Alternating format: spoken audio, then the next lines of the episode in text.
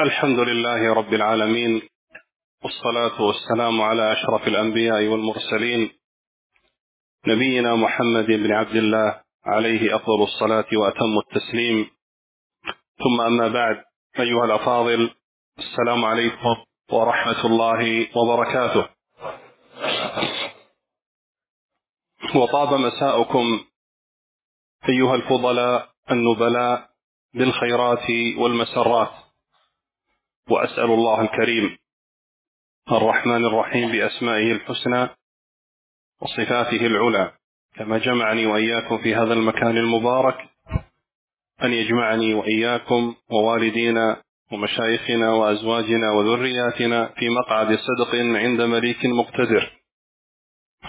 أيها الأحبة إن من أفضل النعم وأجل المنن من الله جل وعلا علينا أن اصطفانا في الإسلام وجعلنا من أتباع سيد الأنام سيد ولد عدنان محمد بن عبد الله عليه أفضل الصلاة وأتم التسليم. هذه النعمة والله لا توازيها نعمة ومما زادني شرفا وتيها وكدت بأخمصي أطأ الثريا. دخولي تحت قولك يا عبادي وأن صيرت أحمد لي نبيا صلى الله عليه وسلم. فأفضل النعم وأجل المنن ونعم الله عز وجل علينا لا تحصى لكن أعظمها وأجلها وهي النعمة الكبرى أن هدانا للإسلام وجعلنا من أتباع محمد صلى الله عليه وسلم.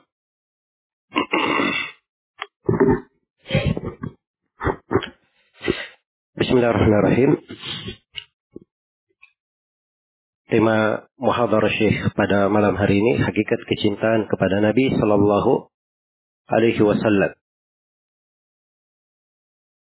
Di awal kalimat beliau beliau memuji Allah Subhanahu wa taala. Segala puji hanya untuk Allah Rabbul Alamin.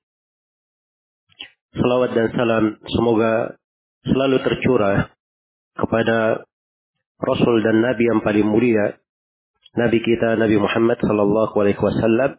Semoga selawat dan salam yang tersempurna untuk beliau. Kemudian saudara-saudara yang mulia, setelah beliau menyampaikan salam tadi, semoga Allah Subhanahu wa taala selalu membahagiakan waktu malam antum semua sore hari ini dengan segala kebaikan dan segala hal yang menyenangkan. Dan saya bermohon kepada Allah Subhanahu wa taala yang Maha Karim, yang Maha Pemurah, dermawan, lagi Maha Rahman dan Rahim yang mengumpulkan kita di majelis ini. Semoga kita semua dikumpulkan, kita dan kedua orang tua kita serta seluruh guru-guru kita di surga Allah Subhanahu wa taala di kedudukan jujur di sisi Allah yang maha mampu, Allah yang maha berkuasa lagi maha mampu. Kemudian dari nikmat yang paling afdal dan yang paling agung, ya Allah subhanahu wa ta'ala telah memilih kita semua adalah kita dipilih untuk memeluk Islam ini. Dan kita dijadikan sebagai pengikut, pemimpin seluruh makhluk, penghulu seluruh anak Adnan, yaitu Nabi Muhammad sallallahu alaihi wasallam.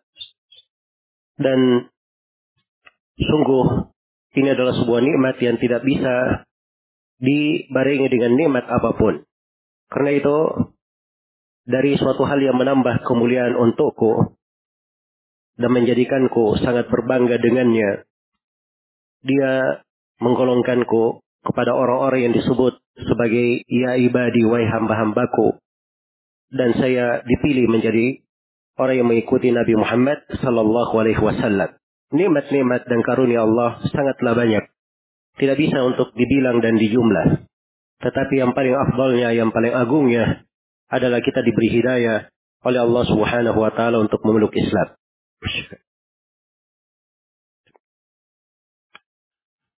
أيها الأفاضل ينبغي على كل واحد منا أن يتأمل هذه النعمة. أقسم بجلال الله أن هداية الله لي ولك لاتباع النبي صلى الله عليه وسلم هي نعمة توازي كنوز الدنيا كلها. فغيرك أيها الحبيب الفاضل الغالي يتبع حجرا شجرا. ولا يقيم وزنا للرب جل وعلا بل لا يعرف الله عز وجل يعيش في ضلال وفي تيه. ولا يعرف اتباعا للنبي صلى الله عليه وسلم. وأنت أنت شرفك الله واصطفاك. هذا الذي أنت تتبعه. ما منزلته عند الله. حتى تعرف منزلتك عند الله وأن الله اصطفاك واختارك. كما اختار النبي صلى الله عليه وسلم سيدا لولد آدم فقد اصطفاك الله واختارك أن تكون تابعا لأفضل الخلق عليه الصلاة والسلام. محمد بن عبد الله عليه الصلاة والسلام هو سيد ولد آدم. شرح الله صدره زكى الله سمعه وبصره وقلبه فقال سبحانه وتعالى ما زاغ البصر وما طغى ما كذب الفؤاد ما رأى ما ينطق عن الهوى. زكاه الله كله فقال وإنك لعلى خلق عظيم. محمد بن عبد الله عليه الصلاة والسلام الذي يشفع في الأمم بل في الأنبياء بل في الرسل بل في أولي العزم. في ذلك الموقف العظيم الرهيب الذي يجمع الله عز وجل فيه الأمم أولهم وآخرهم. فيذهبون إلى آدم يقولون يا آدم اشفع لنا. فيلقيها آدم إلى نوح. يا نوح أنت أول الرسل فاشفع لنا عند ربك. فيلقيها على إبراهيم عليه أفضل الصلاة وأتم التسليم ثم يلقيها إلى موسى ثم إلى عيسى. كلهم يقول نفسي نفسي اللهم سلم سلم. فيقول عيسى يلقيها إلى محمد بن عبد الله عليه الصلاة والسلام. فيأتي فيخر ساجدا لله جل وعلا اسمع إلى الشرف إلى الرفعة إلى علو المنزلة. هذا هو حبيبنا عليه الصلاة والسلام. يأتي فيخر ساجدا للعظيم سبحانه. فيقال له يقول له الرب جل وعلا كما في الصحيح يا محمد ارفع رأسك وقل يسمع وسل تعطه واشفع تشفع. الله أكبر. ورفعنا لك ذكرك. صاحب المقام المحمود. ما رآه أحد إلا أحبه. يا أمة محمد كان عليه الصلاة والسلام يخطب على جذع نخل جذع شجر. فلما صنع له المنبر فصعد عليه وترك الجذع بكى الجذع حنينا للنبي صلى الله عليه وسلم. أفلا نستاق ونبكي شوقا إلى لقائه عليه الصلاة والسلام. جذع جامد. بكى من أجل مفارقة النبي صلى الله عليه وسلم له. يا الله جذع. عرف قيمة ومنزلة النبي صلى الله عليه وسلم. ونحن بلغت بنا القسوة إلا من رحم الله وأسأل الله أن يعفو عني وعنكم. أن لا نشتاق إلى الحبيب عليه الصلاة والسلام. أيها الأحبة هذه الدنيا ستكون معبر. سنة عشر خمسون سنة مئة سنة عش ما شئت. فإنه سيأتي اليوم الذي يقال رحم الله فلان والصلاة على فلان. عندها يشتاق الإنسان في حياته لابد أن نعمل اشتياقا لإدراك لإدراك وأن نعيش مع الحبيب صلى الله عليه وسلم. أن نلتقي في الجنة أن نلتقي في الجنة. هذه هي فرصتنا أيها الأحبة. فرصتنا لأن نلقى ونعيش في جنة عرضها السماوات والأرض بصحبة محمد صلى الله عليه وسلم. هي هذه الفرصة فرصة حياتنا. أعطيت فرصة وأعطاك الله ما لم يعطي أحدا من العالمين. بلغت البشرية ستة مليارات أو سبعة, أو سبعة مليارات من البشر. لا أحد منهم يرفع رأسه فخرا بأنه من أتباع محمد صلى الله عليه وسلم وأنت أعطاك الله إياها.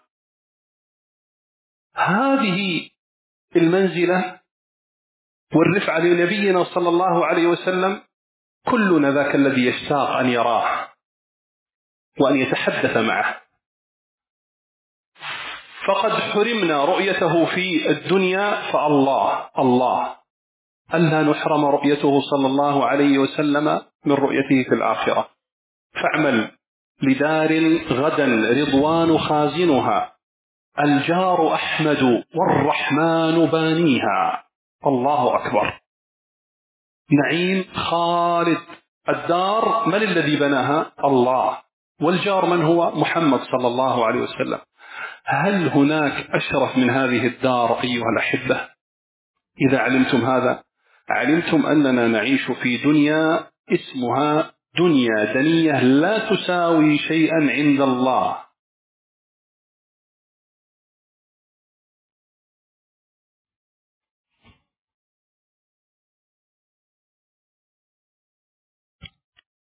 Kemudian saudara-saudara yang mulia, suatu hal yang selayaknya bagi kita semua memperhatikan nikmat-nikmat yang agung ini. Dan saya bersumpah dengan kebesaran dan keagungan Allah bahwa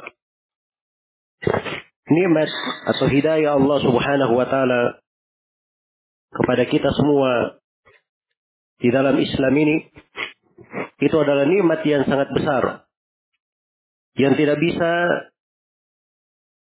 dibanding dengan dunia dan segala isinya. Maka pikirkanlah, wahai saudara-saudara yang tercinta, lagi berharga, bahwa selain dari engkau, ada sekelompok manusia yang mengikuti bebatuan, pepohonan. Mereka tidak mengenal nilai dari beribadah kepada Allah Subhanahu wa taala. Hanya berada di dalam kesesatan. Mereka tidak kenal siapa Allah, Rabbul Alamin. Sedangkan engkau, engkau adalah orang yang telah Allah memuliakanmu dengan keislaman memuliakanmu dengan mengikuti Nabi Muhammad sallallahu alaihi wasallam. Maka Nabi yang engkau ikuti ini harusnya engkau mengenal bagaimana kedudukannya di sisi Allah Subhanahu wa taala. Dan bagaimana dia dipilih oleh Allah Subhanahu wa taala. Agar supaya engkau mengetahui bahwa Allah Subhanahu wa taala juga telah meninggikan kedudukanmu dan telah memilihmu untuk mengikuti makhluk yang paling mulia di sisi Allah Subhanahu wa taala. Dialah nabi kita Nabi Muhammad bin Abdullah. Penghulu seluruh anak Adam. Allah subhanahu wa ta'ala telah melapangkan dadanya.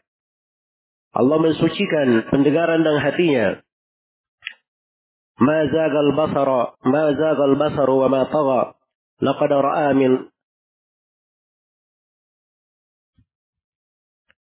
ما زاغ البصر وما طغى لقد رأى من آياته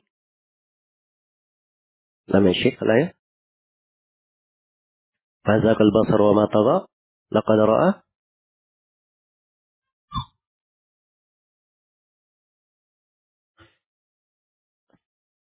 Baik. Baik. Jadi di dalam ayat diterangkan bahwa Rasulullah Shallallahu Alaihi Wasallam tidak pernah dari pandangan matanya itu, dari pandangan hatinya, menyimpang maupun melampaui batas. Yang beliau sampaikan adalah wahyu yang diwahyukan oleh Allah Subhanahu wa taala dan beliau tidak pernah berucap keluar dari hawa nafsunya. Dan dia Nabi kita Nabi Muhammad sallallahu alaihi wasallam ya Allah berfirman tentangnya wa innaka la'ala khuluqin 'azim.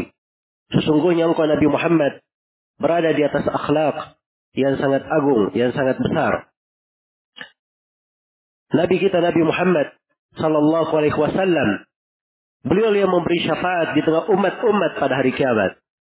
Bahkan memberi syafaat untuk para nabi, untuk para rasul, ulul azmi. Di kejadian yang sangat dahsyat di hari itu, tatkala manusia mendatangi Nabi Adam alaihi salam lalu berkata, "Berilah syafaat untuk kami kepada Rabbmu." Maka Nabi Adam alaihi salam mengatakan, "Pergilah kalian kepada Nabi Nuh. Dia adalah awal rasul. Maka mereka pun mendatangi Nabi Nuh. Nabi Nuh mengarahkan kepada Nabi Ibrahim. Semoga selawat dan salam sempurna untuk beliau. Dan Nabi Ibrahim mengarahkannya kepada Nabi Musa. Nabi Musa mengarahkannya kepada Nabi Isa. Dan seluruh dari Nabi itu hanya berkata, nafsi, nafsi, diriku, diriku. Ya Allah selamatkanlah, selamatkanlah. Akhirnya Nabi Isa pun mengarahkan manusia kepada Nabi Muhammad sallallahu alaihi wasallam.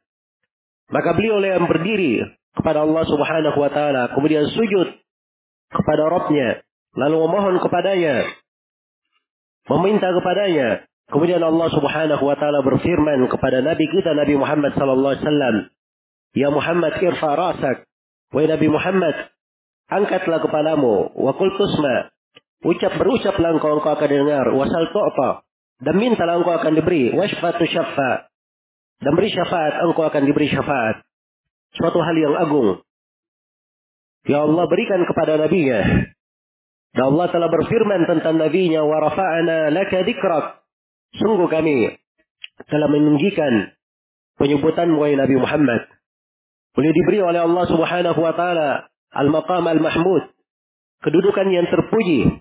Siapa yang melihat Nabi sallallahu alaihi wasallam pasti akan mencintainya. Jangankan seorang manusia, pernah Rasulullah Shallallahu Alaihi Wasallam berkhutbah di atas batang kayu. Begitu Nabi meninggalkan khutbah dari batang kayu ini, maka terdengar suara tangisan dari batang kayu tersebut. Maka tidakkah kita rindu kepada Nabi kita Nabi Muhammad Sallallahu Alaihi Wasallam menangis rindu akan terhadap dirinya Perhatikan bagaimana batang kayu ini. Dia mengenal kedudukan Rabi Shallallahu Alaihi Wasallam dan mengenal dari keagungannya. Apakah pada diri kita ini telah tertimpa dari kekerasan hati yang menyebabkan kita tidak ada perasaan rindu kepada Rasulullah Shallallahu Alaihi Wasallam. Sungguhnya kehidupan dunia ini hanyalah sementara dan akan menjadi kuburan.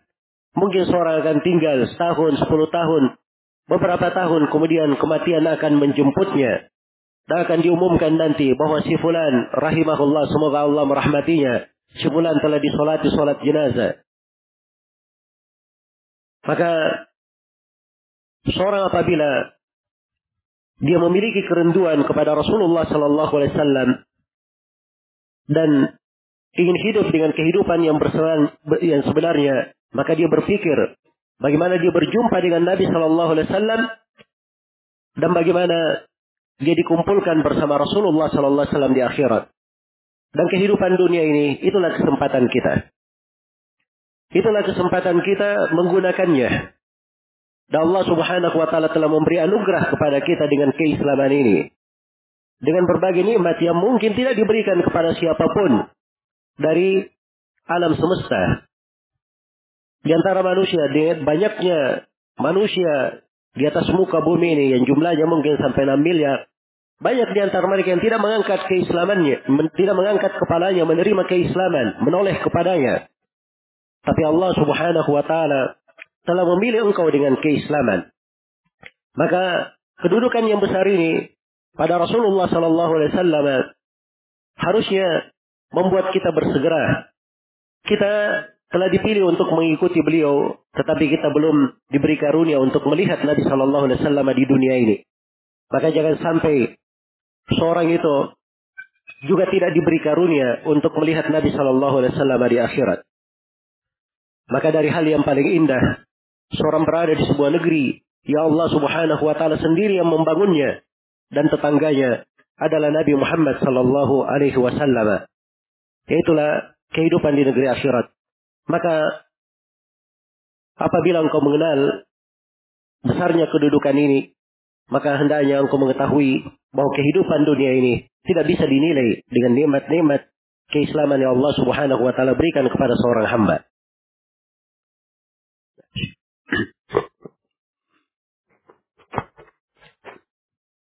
الصحابة أيها الأحبة من أن من أجل أن يلتقوا بالنبي صلى الله عليه وسلم باعوا ديارهم. واسترخصوا دماءهم. طارت رؤوسهم. وتقطعت أشلاؤهم. عذبت سمية وعمار وبلال وخباب. خرج أبو بكر من مكة. أفضل البقاع. من أجل صحبة النبي صلى الله عليه وسلم. قيل لخبيب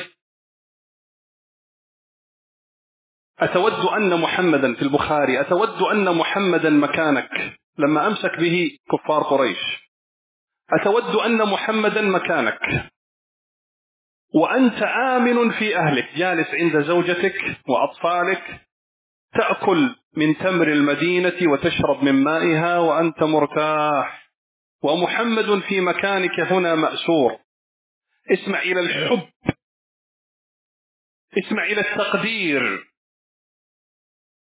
قال والله ما أحب أن محمدا صلى الله عليه وسلم يشاك بشوكة يعني تصيبه شوكة في قدمه أو في يده وأنا آمن في أهلي اعملوا ما شئتم.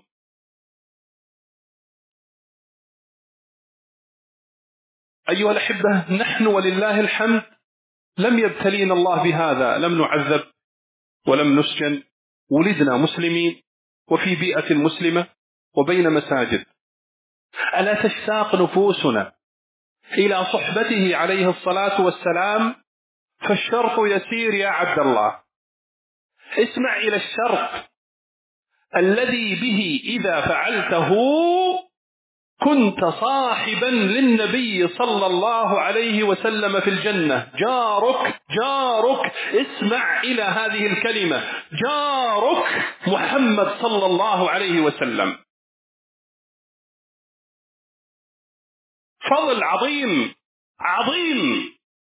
ومن أصدق من الله قيلا ومن أصدق من الله حديثا. قال ربي جل وعلا ومن يطع الله والرسول ومن يطع الله والرسول فأولئك مع الذين أنعم الله عليهم من النبيين والصديقين والشهداء والصالحين وحسن أولئك رفيقا. الله أكبر. الله أكبر. إذا ما الشرط؟ ما الشرط؟ ومن يطع الله ورسوله.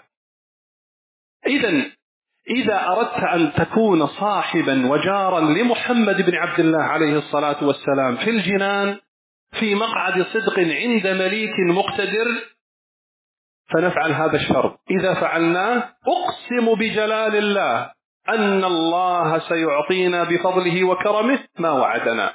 فإن الله لا يخلف وعده. ومن أصدق من الله قيلا. قال عليه الصلاة والسلام في الصحيح كل أمتي كل أمتي ليس الصحابة ولا العرب أو العجم أو الفرس أو لا لا. كل أمتي كل من آمن بالنبي صلى الله عليه وسلم واقتفى أثره كل أمتي كل من صيغ العموم كل أمتي يدخلون الجنة. إلا من أبى. قالوا ومن يأبى يا رسول الله؟ ما أحد يأبى الجنة. هناك شرط هناك شرط ما هو؟ قال من أطاعني دخل الجنة. ومن عصاني فقد أبى. والطاعة أيها الأحبة الفضلاء النبلاء تنقسم قسمين. الطاعة فعل وترك. الطاعة فعل وترك. نفعل ما فعل ونترك ما ترك. عليه الصلاة والسلام. لقد كان لكم في رسول الله أسوة حسنة. لمن؟ لمن كان يرجو الله والدار واليوم الآخر. لمن كان يرجو الله واليوم الآخر. فإذا كنت تريد أن تلقى الله وأن تنظر إلى الله جل وعلا وأن تعيش نعيما خالدا مخلدا في نعيم بصحبة النبي صلى الله عليه وسلم. ما عليك أيها الفاضل إلا أن تأتي بشرط واحد. ما هو؟ أن تطيع الله ورسوله. والطاعة كما قلت لك وسيأتي مزيد إن شاء الله بيان الطاعة فعل وترك.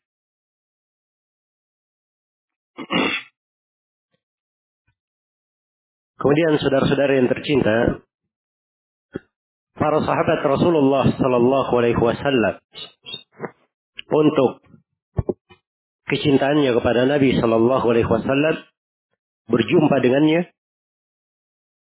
Di antara mereka ada yang menjual negeri-negerinya, ada yang menjual rumah-rumahnya, ada yang mengorbankan dari darah-darahnya, menumpahkan darahnya ada yang dipenggal kepala-kepalanya, dipotong bagian-bagian dari tubuhnya.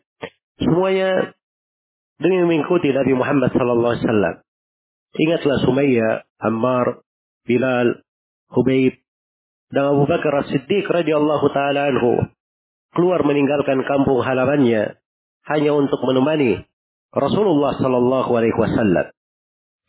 Ketika Hubayb radhiyallahu taala anhu beliau ditahan oleh orang-orang kafir Quraisy. Maka mereka berkata kepada Khubayb radhiyallahu taala anhu, "Apakah kamu cinta Nabi Muhammad sallallahu alaihi wasallam berada di kedudukanmu sekarang ini menggantikan kamu di sini dan kamu berada di kota Medina memakan dari korma-korma meneguk dari kebaikan-kebaikan sedangkan Nabi Muhammad menggantikanmu maka dengar jawaban seorang yang cinta kepada nabinya dan mengagungkan nabinya. Kata beliau demi Allah, saya tidak akan pernah tenang walaupun Nabi Muhammad tertusuk oleh sebuah duri. Sedang saya berada aman di tengah keluargaku. Saudara-saudara sekalian, kita ini tidak mendapatkan ujian yang seperti itu. Alhamdulillah. Kita juga tidak mengenal yang namanya kisah di dalam keislaman. Kita dilahirkan sebagai kaum muslimin. Dilahirkan di tengah masjid-masjid. Tapi di mana kerinduan itu terhadap Nabi Sallallahu Alaihi Wasallam sudah sepantasnya kita menghargai dari nikmat tersebut dan untuk menjadi mendapatkan kedudukan yang besar bersama Nabi Sallallahu Alaihi Wasallam menjadikan Nabi Shallallahu Alaihi Wasallam sebagai tetangga seseorang di sorga, keutamaan yang besar hanya satu syarat saya. Hanya satu syarat. Dengarkanlah syarat ini. Iya. Dan syaratnya Allah Subhanahu wa taala tegaskan. Siapa yang memenuhinya, dia akan mendapatkannya. Akan bersama dengan Nabi Shallallahu alaihi wasallam. Allah telah berfirman tentang dirinya, "Wa man asdaqu minallahi qila." Tidak ada yang lebih jujur ucapannya dari Allah. "Wa man asdaqu minallahi haditha." Tidak ada yang lebih benar pembicaranya melebihi Allah. Dan Allah Subhanahu wa taala telah berfirman, "Wa man yuti'illaha war rasul, fa ulaika ma'al ladina an'ama Allahu 'alaihim nabiyyin was-siddiqin wasyuhada'i was-salihin wa hasuna ulaika rafiqa." Barang siapa yang taat kepada Allah dan Rasulnya. Maka mereka ini akan dikumpulkan. Bersama orang-orang yang Allah beri nikmat kepada mereka. Dari kalangan para nabi, para siddiq, orang-orang yang mati syahid, dan orang-orang yang salih. Dan mereka adalah sebaik-baik teman yang mengawani. Allahu Akbar. Maka perhatikan, apa syarat di dalam ayat? Cuma satu syarat. Wa may yuti'illaha war rasul. Siapa yang taat kepada Allah dan dan kepada Rasulnya. Dengan syarat ini, seorang bisa bertetangga dengan Nabi Shallallahu Alaihi Wasallam di sorga. Di sisi Allah Subhanahu Wa Taala. Di kedudukan yang agung. Di sisi Allah yang maha berkuasa lagi maha mampu. Iya. Di sisi Allah Subhanahu Wa Taala yang maha mampu. Dan saya bersumpah dengan nama Allah. Andai kata syarat ini kita datangkan, maka pasti Allah Subhanahu wa taala akan memenuhi janjinya. Dan Allah Subhanahu wa taala tidak pernah menyelisih janji dan Allah yang paling besar, yang paling benar ucapannya. Rasulullah sallallahu alaihi wasallam pernah bersabda, "Kullu ummati yadkhuluna al-jannah." Setiap umatku akan masuk surga. Setiap umatku. Bukan orang Arab saja atau orang asing saja atau orang Persia. Ya. Tapi semua yang mengikuti Nabi Shallallahu Alaihi Wasallam beriman terhadapnya, setiap umatku akan masuk surga, kecuali illa man aba, kecuali orang yang tidak mau. Maka para sahabat bertanya, ya Rasulullah, siapa kayak enggan yang tidak mau ini? Maka Nabi Shallallahu Alaihi Wasallam merangkai syaratnya. Kata beliau, "Man ata'ani dakhala al-jannah wa man asani faqad aba." Siapa yang taat kepadaku, maka dia akan masuk surga. Dan siapa yang bermaksiat kepadaku, maka sungguh dia telah enggan untuk masuk surga. Maka perhatikan syarat ini, ketaatan. Dan taat itu terbagi dua. Ada taat dalam bentuk perbuatan, dan ada taat dalam bentuk meninggalkan. Ada dalam bentuk fail, sesuatu yang dilakukan. Dan ada dalam bentuk tark, sesuatu yang ditinggalkan. Apa yang dilakukan oleh Nabi, kita melakukannya. Apa yang ditinggalkan oleh Nabi, maka kita meninggalkannya. Nah, itu ketaatan. Dan dengan ini, seorang itu mengikuti, menjadikan Nabi sebagai suri tauladan. Laqad kana lakum fi rasulillahi uswatun hasanah. Liman kana yarju Allah wal yawmal akhir. Sungguh telah ada untuk kalian semua pada diri Rasulullah Sallallahu Alaihi Wasallam suri toladan yang baik bagi siapa yang menghendaki Allah dan hari akhirat. Iya. Karena itu kalau engkau menghendaki berjumpa dengan Nabi Sallallahu Alaihi Wasallam dikumpulkan sebagai orang-orang yang salih penuh dengan kebaikan berada di surga Allah Subhanahu wa taala yang penuh dengan kenikmatan bertetangga dengan Nabi sallallahu alaihi wasallam syaratnya hanyalah satu taat kepada Allah dan taat kepada Rasulnya. Dan ketaatan ini kita akan lebih rinci lagi di pembahasan berikutnya.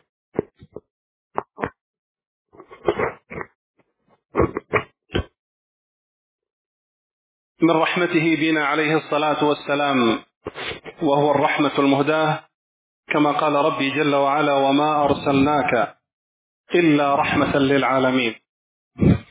من شفقته ورحمته بنا عليه الصلاة والسلام أنه ما ترك خيرا إلا دلنا عليه وما ترك شرا إلا حذرنا منه علمه من علمه وجهله من جهله. من ذلك أيها الأحبة أخبر عليه الصلاة والسلام كما في صحيح البخاري. وأنا قبل أن أبدأ هنا أقول أيها الأحبة حقيقة المحبة حقيقة المحبة. ما هي المحبة؟ هل هي بالادعاء؟ يعني من كان يقول أنا أحب أبي أنا أحب أبي. لكنه لا يأتمر بأمره ولا ينتهي بنهيه. يراه مريضا فلا يذهب به إلى مستشفى. يحتاج إلى أن يجلس معه فيذهب مع الأصدقاء ويتركه. هل هذه محبة؟ من كان يقول لأبيه ولأمه أف أو يرفع يده على أبيه وأمه هل هذه محبة؟ كذب وإن قال أنا أحب أبي وأمي. فالمحبة ليست باللسان. المحبة أول ما تنبع من القلب. وقد وضع الله عز وجل ليس العلماء ولا الصحابة بل ولم يأتي في حديث بل الميزان وضعه الله جل وعلا. ما هو الميزان؟ اليوم كثير من المسلمين يقول ماذا؟ أنا أحب النبي صلى الله عليه وسلم وهذا يتعبد لله بطريقة وهذا بطريقة وهذا بطريقة وهذا بطريقة وكلهم يقول أنا الصواب وأنت الخطأ وهذا يقول أنا الصواب وأنت الخطأ وهذا يقول أنا الصواب وأنت الخطأ. وذاك والعاشر والعشرين والثلاثين وصدق فينا قول النبي صلى الله عليه وسلم. كما عند أبي داود وغيره من حديث معاوية ومن حديث عبد الله بن عمرو بن العاص ومن حديث أبي هريرة وغيرهم. عن سبعة من أصحاب النبي صلى الله عليه وسلم قال وستفترق أمتي على ثلاث وسبعين فرقة كلها في النار إلا واحدة. طيب من هي يا رسول الله؟ سيأتينا أوصافها. طيب من هو الذي على الحق؟ من هو الذي على الصواب؟ من هو المحب الحقيقي؟ قال ربي جل وعلا اسمع إلى الميزان حتى تعرف. أرجوك قيد هذا واضبط قال الله عز وجل قل إن كنتم تحبون الله فاتبعوني يحببكم الله. إذا المحبة ما هي؟ هل هي كثرة الطاعات؟ لا. هل هي الإنفاق أموال؟ لا. هل هي قتل النفس؟ لا. المحبة هي الاتباع. ماذا فعل عليه الصلاة والسلام؟ نفعل كما فعل. ليس بآرائنا ولا أهوائنا. نفعل ماذا؟ ما فعل. الخوارج كانوا أكثر الناس عبادة بل كانوا أكثر عبادة من الصحابة كما ثبت في الصحيحين.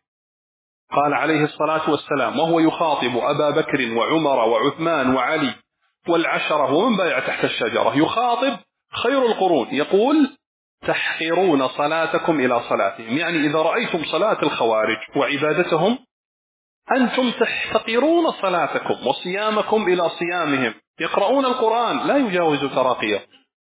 إذا ليست محبة النبي صلى الله عليه وسلم بكثرة الأعمال لا.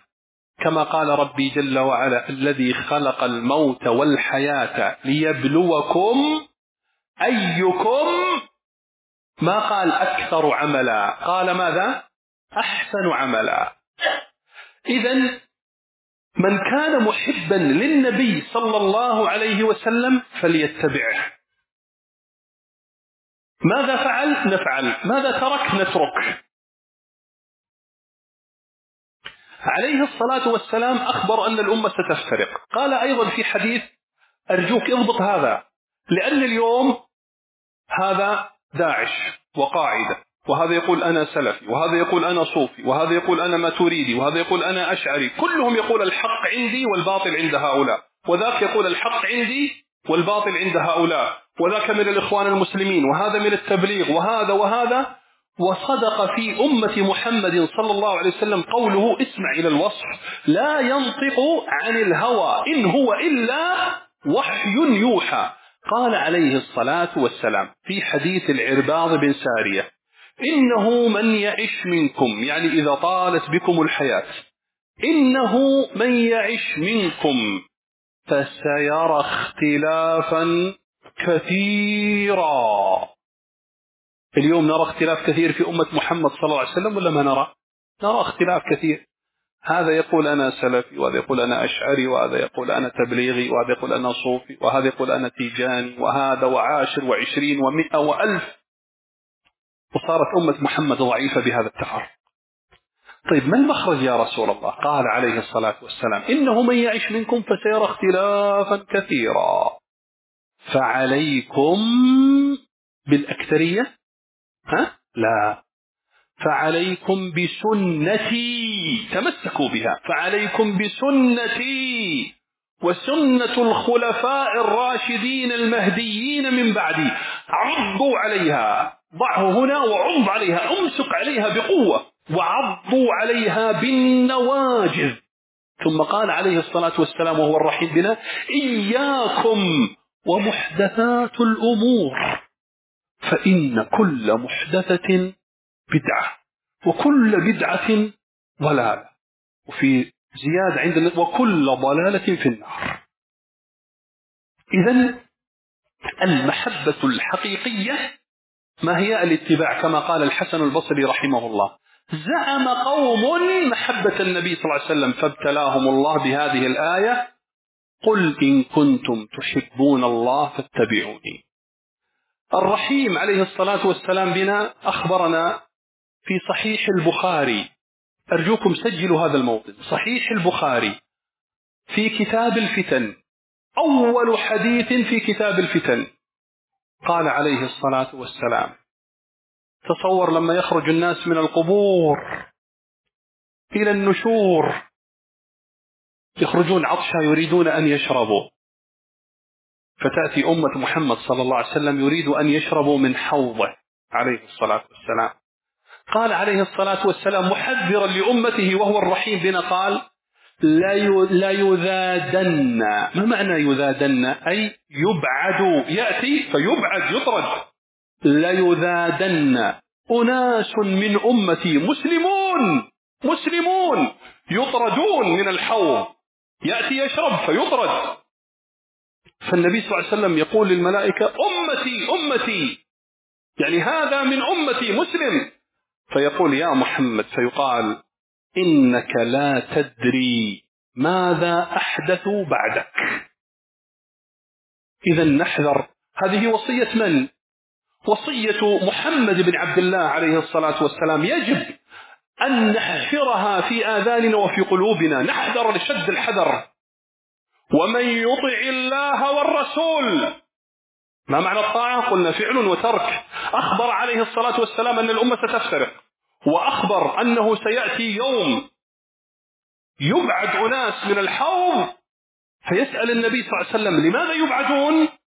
قالوا يا محمد لا تدري ماذا أحدثوا بعدك. شوف اللفظ نفس اللفظ الذي في حديث العرباض بن سارية. فإن كل ماذا؟ محدثة بدعة. والملائكة قالوا لمحمد صلى الله عليه وسلم لا تدري ماذا أحدثوا بعدك.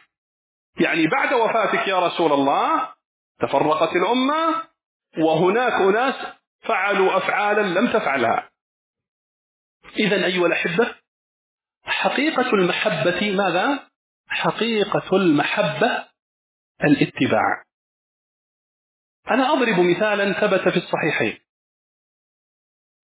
كثير من أبناء المسلمين في السعودية في الكويت في الإمارات في مصر في ليبيا في الجزائر في تونس حتى في أندونوسيا لما سمع بالقتال في العراق أو في سوريا ماذا فعل؟ قال أريد أن أذهب ماذا؟ أجاهد نعم نقول تعال اسمع إلى ما قال النبي صلى الله عليه وسلم وهو جهاد شرعي ليس كهذا الذي اليوم يحصل في سوريا وفي العراق عبث ولعب استخبارات. لا الجهاد الشرعي يعني تحت إمرة النبي صلى الله عليه وسلم. أميره من؟ أميره سيد ولد عدنان عليه الصلاة والسلام.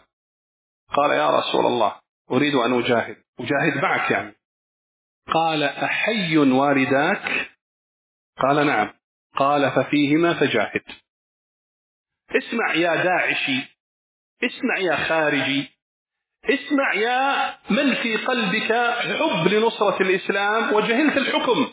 قال عليه الصلاة والسلام إذا لك أب وأم لا تذهب تجاهد. اجلس عندهم وجاهد. برهم هو الجهاد. إذا سمعت وأخذت بوصية النبي صلى الله عليه وسلم نجوت بعضهم يقول لا يا شيخ والدي ما لا لا أنا أذهب الجهاد هو ذروة سلام الإسلام. الدين ما يؤخذ بالعقل. يؤخذ بالتسليم. يؤخذ بماذا؟ بالتسليم. قال لك النبي صلى الله عليه وسلم ففيهما فجاهد إذا اذهب عندهما ففيهما الجهاد. طيب. خلي يودينون شيخ. خلي يودينون ثم ترجم طيب. ثم نصلي آه. ونستمر بعد الصلاة إن شاء الله. Tolong adzan dulu. ينبغي لنا. نقدم نقدم باقي يعني ممكن بعد الآن أنا سأترجم بعد الأذان ثم نصلي بعد الصلاة معنا ممكن نص ساعة Kemudian dari rahmat Allah Subhanahu wa taala kepada kita atau dari rahmat Nabi Shallallahu alaihi wasallam terhadap kita semua dan Nabi itu digelari sebagai rahmatul muhda, rahmat yang dihadiahkan untuk umat ini. Sebagaimana firman Allah Subhanahu wa taala, "Wa ma arsalnaka illa rahmatan lil alamin." Tidaklah kami mengutus engkau Nabi Muhammad kecuali sebagai rahmat untuk semesta alam. Dari rahmat beliau tidak ada satu kebaikan pun kecuali beliau telah menunjukkan kita kepada kebaikan itu. Dan tidak ada satu kejelekan pun kecuali beliau telah memperingatkan tentang bahaya dari kejelekan itu. Diketahui oleh siapa yang mengetahuinya. Dan tidak diketahui oleh orang-orang yang jahil terhadapnya. Maka di antara hal tersebut apa yang dikabarkan oleh Nabi dalam Sahih Al-Bukhari. Namun sebelum saya menyebutkan hadis di Sahih Al-Bukhari ini, saya ingin menerangkan tentang hakikat kecintaan kepada Nabi Shallallahu Alaihi Wasallam. Apakah kecintaan kepada Nabi itu sekedar pengakuan, sekedar klaim saja? Kalau misalnya ada yang berkata, saya cinta kepada ayahku, tetapi dia diperintah oleh ayahnya, tidak dia mendengarkan gelaran, tidak dia berhenti, bahkan kadang ayahnya dia lihat sakit, tidak dia bawa ayahnya ke rumah sakit, tidak dipeduli. Apakah ini menunjukkan kecintaan kepada ayahnya? Atau dia berkata, saya cinta kepada ibuku. Tapi lisannya selalu mengucapkan, uff, atau kalimat yang tidak baik kepada ibunya, mengangkat tangannya. Kalaupun dia berkata, saya cinta kepada ibuku, pasti dia diketahui kedustaannya dan orang-orang mengetahui kedustaannya. Maka kecintaan itu kepada Nabi Shallallahu Alaihi Wasallam bukan dengan lisan, tapi kecintaan adalah sesuatu yang berada di dalam hati. Allah Subhanahu wa taala yang telah meletakkan ukuran bagaimana hakikat cinta kepada Nabi Shallallahu alaihi wasallam. Ini bukan diletakkan oleh para sahabat. Karena kalau dilihat pada kondisi manusia, semua mungkin saja berkata, saya yang paling cinta. Atau dia berkata, saya di atas kebenaran. Dan lainnya berada di atas kesalahan. Atau saya begini dan begitu. Dan itu adalah suatu hal yang memang diberitakan oleh Nabi terjadi di tengah umat ini. Karena itu telah syah dari beberapa orang sahabat. Ada dari hadith Muawiyah, dari Amr ibn As, dari Abu Hurairah, dan dari selainnya tujuh orang sahabat. Semuanya meriwayatkan dari Nabi Sallallahu Alaihi Wasallam. Nabi Sallallahu Alaihi Wasallam bersabda, "Wasataftariku ummati ala salat wa sab'ina firqah." Umatku akan terpecah menjadi 73 golongan. Semuanya dalam neraka kecuali satu. Ketika ditanya siapakah mereka, maka Nabi menerangkan siapa mereka dan ini kita akan jelaskan. Maka semua orang mungkin akan berkata dirinya di atas kebenaran. Dirinya di atas al-haq. Dirinya cinta kepada Nabi Shallallahu Alaihi Wasallam.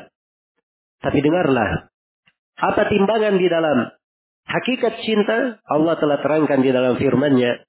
Qul in kuntum tuhibbun Allah fattabi'uni yuhibbukumullahu Katakanlah kalau kalian cinta kepada Allah, maka ikutilah saya. Apabila kalian mengikutiku, Allah akan mencintai kalian. Maka inilah ukuran. Seorang dengan ketaatan kepada Nabi Wasallam mencintainya, dia melakukan apa yang beliau lakukan. Beliau dia meninggalkan apa yang ditinggalkan oleh Nabi Wasallam. Iya. Dan perhatikan bagaimana Nabi Shallallahu Alaihi Wasallam mensifatkan kaum khawarij. Padahal mereka adalah orang yang paling banyak ibadahnya. Nabi bersabda, tahkiruna salatakum. Kalian akan menghinakan salat kalian wahai para sahabat. Ini di hadapan Abu Bakar, di hadapan Umar, di hadapan para sahabat sebaik-baik generasi. Kalian menghinakan salat kalian, puasa kalian di depan salat dan puasa kaum khawarij ini. Iya. Tapi ukuran itu bukanlah dengan banyaknya amalan. Amalan mereka yang demikian banyak, tapi Nabi Shallallahu Alaihi Wasallam bersabda bahwa mereka ini keluar dari agama seperti busur, seperti anak panah menembus sasarannya. Dan Allah Subhanahu wa taala berfirman, "Alladzi khalaqal mauta wal hayata liyabluwakum ayyukum ahsanu amala. Dialah Allah yang menciptakan kematian dan kehidupan untuk menguji kalian. Siapa yang paling baik amalannya. Bahasanya siapa yang paling baik. Bukan siapa yang paling banyak. Maka siapa yang mengaku cinta kepada Nabi Shallallahu Alaihi Wasallam hendaknya dia mengikuti Nabi. Apa yang dilakukan oleh Nabi, dia melakukannya. Apa yang ditinggalkan oleh Nabi, maka dia meninggalkannya. Nah, itulah ukuran. Di hadis yang lain Rasulullah Sallallahu Alaihi Wasallam bersabda, ini sabda Nabi, bukan ucapan dari kelompok mana pun, bukan ucapan orang ISIS, bukan ucapan Ikhwanul Muslimin, Jemaat Tabligh, orang Sufi maupun yang lainnya. Tapi ini adalah ucapan Nabi Sallallahu Alaihi Wasallam yang sangat jujur, yang disifatkan oleh Allah wa ma yantiqu anil hawa in huwa illa wahyu yuha. Beliau tidak berucap dari hawa nafsunya, yang beliau ucapkan adalah wahyu yang diwahyukan kepada beliau. Rasulullah sallallahu alaihi wasallam bersabda, "Fainahu may ya'ish minkum fasayara ikhtilafan katsira." Sesungguhnya siapa di antara kalian yang hidup setelahku, maka dia akan melihat perselisihan yang sangat banyak. Betul terjadi perselisihan itu. Sana mengklaim dirinya di atas kelompoknya masing-masing. Saya sufi, saya tabligi, saya ikhwanul muslimin. Saya dari kelompok tijani dan seterusnya. Tapi apa ukuran yang diberikan oleh Nabi? Kata beliau, Farikum bisunnati. Farikum bisunnati. Hendaknya kalian berpegang dengan sunnahku. Apakah Nabi berkata, hendaknya kalian berpegang dengan kebanyakan orang? Tidak. Tapi farikum bisunnati. Wa sunnatil khulafair rasyidin al-mahdiyyin min ba'di. Abdu alaiha bin nawajib. Hendaknya kalian berpegang dengan sunnahku. Dan sunnah khulafa ar-rasyidin yang mendapat petunjuk setelahku, gigitlah sunnah itu dengan gigi-gigi geraham kalian. Wa iyyakum wa muhdatsatil umur dan hati-hati kalian dari perkara yang baru. Fa kulla bi fa inna kulla muhdatsatin bid'ah wa kulla bid'atin dhalalah. Sebab setiap baik yang baru itu adalah bid'ah dan setiap yang bid'ah adalah kesesatan. Di dalam riwayat Muslim ada tambahannya wa kulla dhalalatin finnar dan setiap kesesatan itu berada dalam neraka. Maka kecintaan yang hakiki itu bukan pengakuan. Seperti yang dikatakan oleh Al-Hasan Al-Basri, sekelompok kaum mengklaim bahwa dirinya cinta kepada Nabi Shallallahu Alaihi Wasallam. Maka Allah menguji mereka dengan ayat ini. Qul in kuntum tuhibbun Allah fattabi'uni yuhibbukum Allah wa yaghfir lakum dunubakum. Kalau memang katakan oleh Nabi Muhammad, kalau memang benar kalian cinta kepada Allah, maka ikutilah saya. Niscaya Allah akan mencintai kalian dan mengampuni dosa-dosa kalian. Kemudian di dalam hadis yang diriwayatkan oleh Imam Al-Bukhari, dan saya berharap kepada seluruh ikhwah untuk menghafalkan hadis ini, mencatatnya dan memperhatikannya. Dia berada di dalam Sahih Bukhari. Hadis yang paling pertama di Kitabul Fitan dari Sahih Al-Bukhari. Ketika Nabi Shallallahu Alaihi Wasallam terangkan bagaimana kondisi manusia dan bisa dibayangkan ketika mereka keluar dari alam kubur menuju kepada kebangkitan. Maka umat Nabi Shallallahu Alaihi Wasallam mendatangi telaga Rasulullah Shallallahu Alaihi Wasallam dan ternyata Rasulullah bersabda akan diusir sekelompok manusia dari umatku dari telaga. Min ummati kata Nabi. Yang diusir ini dari telaga adalah siapa? Dari umatku. Dari kaum muslimin. Dari kaum muslimin. Dan ketika Nabi melihat hal tersebut, beliau bersabda, ummati, ummati, umatku, umatku. Beliau berkata seperti itu kepada para malaikat. Maka apa jawaban para malaikat ya Muhammad? Inna la tadiri ma ahdathu ba'dak. Wahai Nabi Muhammad, sungguhnya engkau tidak tahu perkara baru yang mereka adakan setelahmu. Engkau tidak mengetahui perkara baru yang mereka adakan setelahmu. Maka ini adalah wasiat Nabi Muhammad sallallahu alaihi wasallam. Kita wajib untuk berhati-hati dan kita wajib untuk mengambil kewaspadaan dengan kewaspadaan yang yang sebesar-besarnya. Siapa yang taat kepada Allah dan Rasulnya. Itu adalah syaratnya. Dan sudah saya terangkan bahwa ketaatan ada dua. Ada taat dalam bentuk fi'il, mengerjakan, dan ada taat, ketaatan dalam bentuk tark, meninggalkan. Dan kalau kita perbandingkan antara hadis ini Inna kalata ma ahdatsu ba'dak. Engkau tidak tahu apa yang mereka ada-adakan setelahmu. Itu sama dengan hadis Irbab. Ibn Sari yang sudah saya bacakan bahwa setiap bid'ah kul bid'atun dhalalah. Setiap bid'ah adalah kesesatan. Maka yang diada-adakan itu mencakup seluruh perkara yang baru.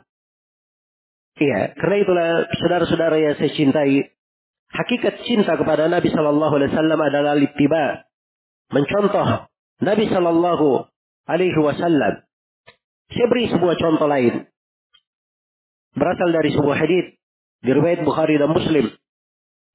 Dan ini mungkin sering kita lihat di tengah generasi kita, anak-anak muda kita. Apakah di negeri-negeri yang ter terjadi fitnah-fitnah seperti di Libya, di Aljazair, di Suria, ataupun di Indonesia. Ya, banyak di antara mereka berkata saya ingin berjihad. Melihat kejadian-kejadian yang terjadi, saya ingin berjihad. Saya perhatikan. Mari kemari. Lihat. Hadith ini. Dan perhatikan bagaimana jihad yang sebenarnya. Jihad yang syar'i. Ketika Nabi Shallallahu Alaihi Wasallam diminta izin oleh seorang untuk berjihad, maka Nabi berkata kepadanya, apakah kedua orang tua masih hidup? Ahayyun walidat, kedua orang tua masih hidup? Kata orang ini ya. Maka kata Nabi Shallallahu Alaihi Wasallam, ma fajahid. Maka pada keduanya lah hendaknya engkau berjihad. Keduanya lah, pada keduanya engkau berjihad. Maka engkau yang terpengaruh dengan pemikiran ISIS, misalnya pemikiran Khawarid, dan mungkin dia punya kecintaan dalam hatinya. Tetapi keliru di dalam jalannya. Jahil akan hukumnya. Maka perhatikan. Sini. Perhatikan hadis yang agung ini. Nabi Shallallahu Alaihi Wasallam ketika diminta izin untuk berjihad, maka beliau bertanya, apakah kedua orang tua masih hidup? Pada keduanya lah engkau berjihad. Pada keduanya dengan berbakti kepada keduanya, pada keduanya engkau berjihad. Maka agama ini bukan dengan akal. Agama ini dengan taslim. Seorang berserah diri dan menerima apa yang datang dari Allah dan Rasulnya. Mungkin kita uh, jeda dulu untuk sholat isya. InsyaAllah ta'ala selepas sholat isya, Syekh Hafidahullah ta'ala akan melanjutkan pembahasan. Ya Allah ta'ala ala. Subhanakallah. Jazakallah khair. قلنا أيها الأحبة قلنا أن الأمة اليوم وقع فيها ما أخبر عنه عليه الصلاة والسلام من الاختلاف والافتراق. وهذه سنة كونية من الله جل وعلا. فافترقت الأمة فافترقت الأمة في محبة النبي صلى الله عليه وسلم إلى ثلاث فرق. الفرقة الأولى الجفاء فهي جافية مع النبي صلى الله عليه وسلم. فلا ترفع بسنته ومتابعته رأسا في كل الأمور.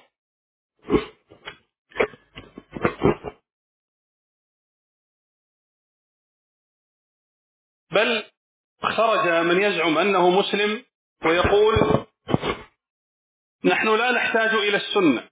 وإنما يكفينا القرآن فقط. وهذه الطائفة فرق متفاوتة لا نطيل فيها. والفئة الثانية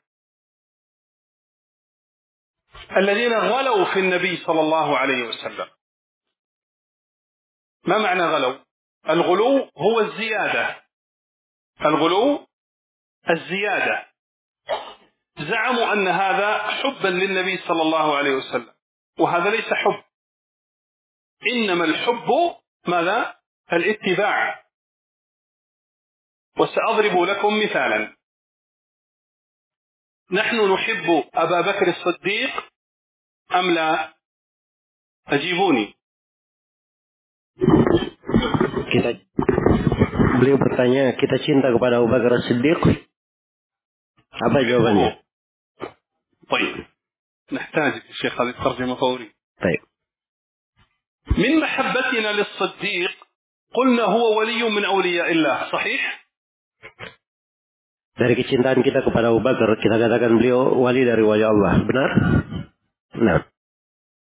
قلنا إنه نبي ورسول صحيح Kalau kita katakan Abu Bakar Nabi dan Rasul, benar?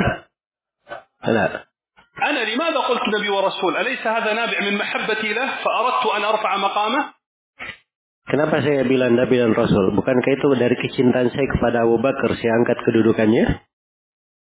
إذا هذا غلو في أبي بكر فمن ما حكم من يقول هذا القول حكمه كفر لماذا كفر لأن النبي صلى الله عليه وسلم خاتم النبيين ختمت به الرسالة عليه الصلاة والسلام.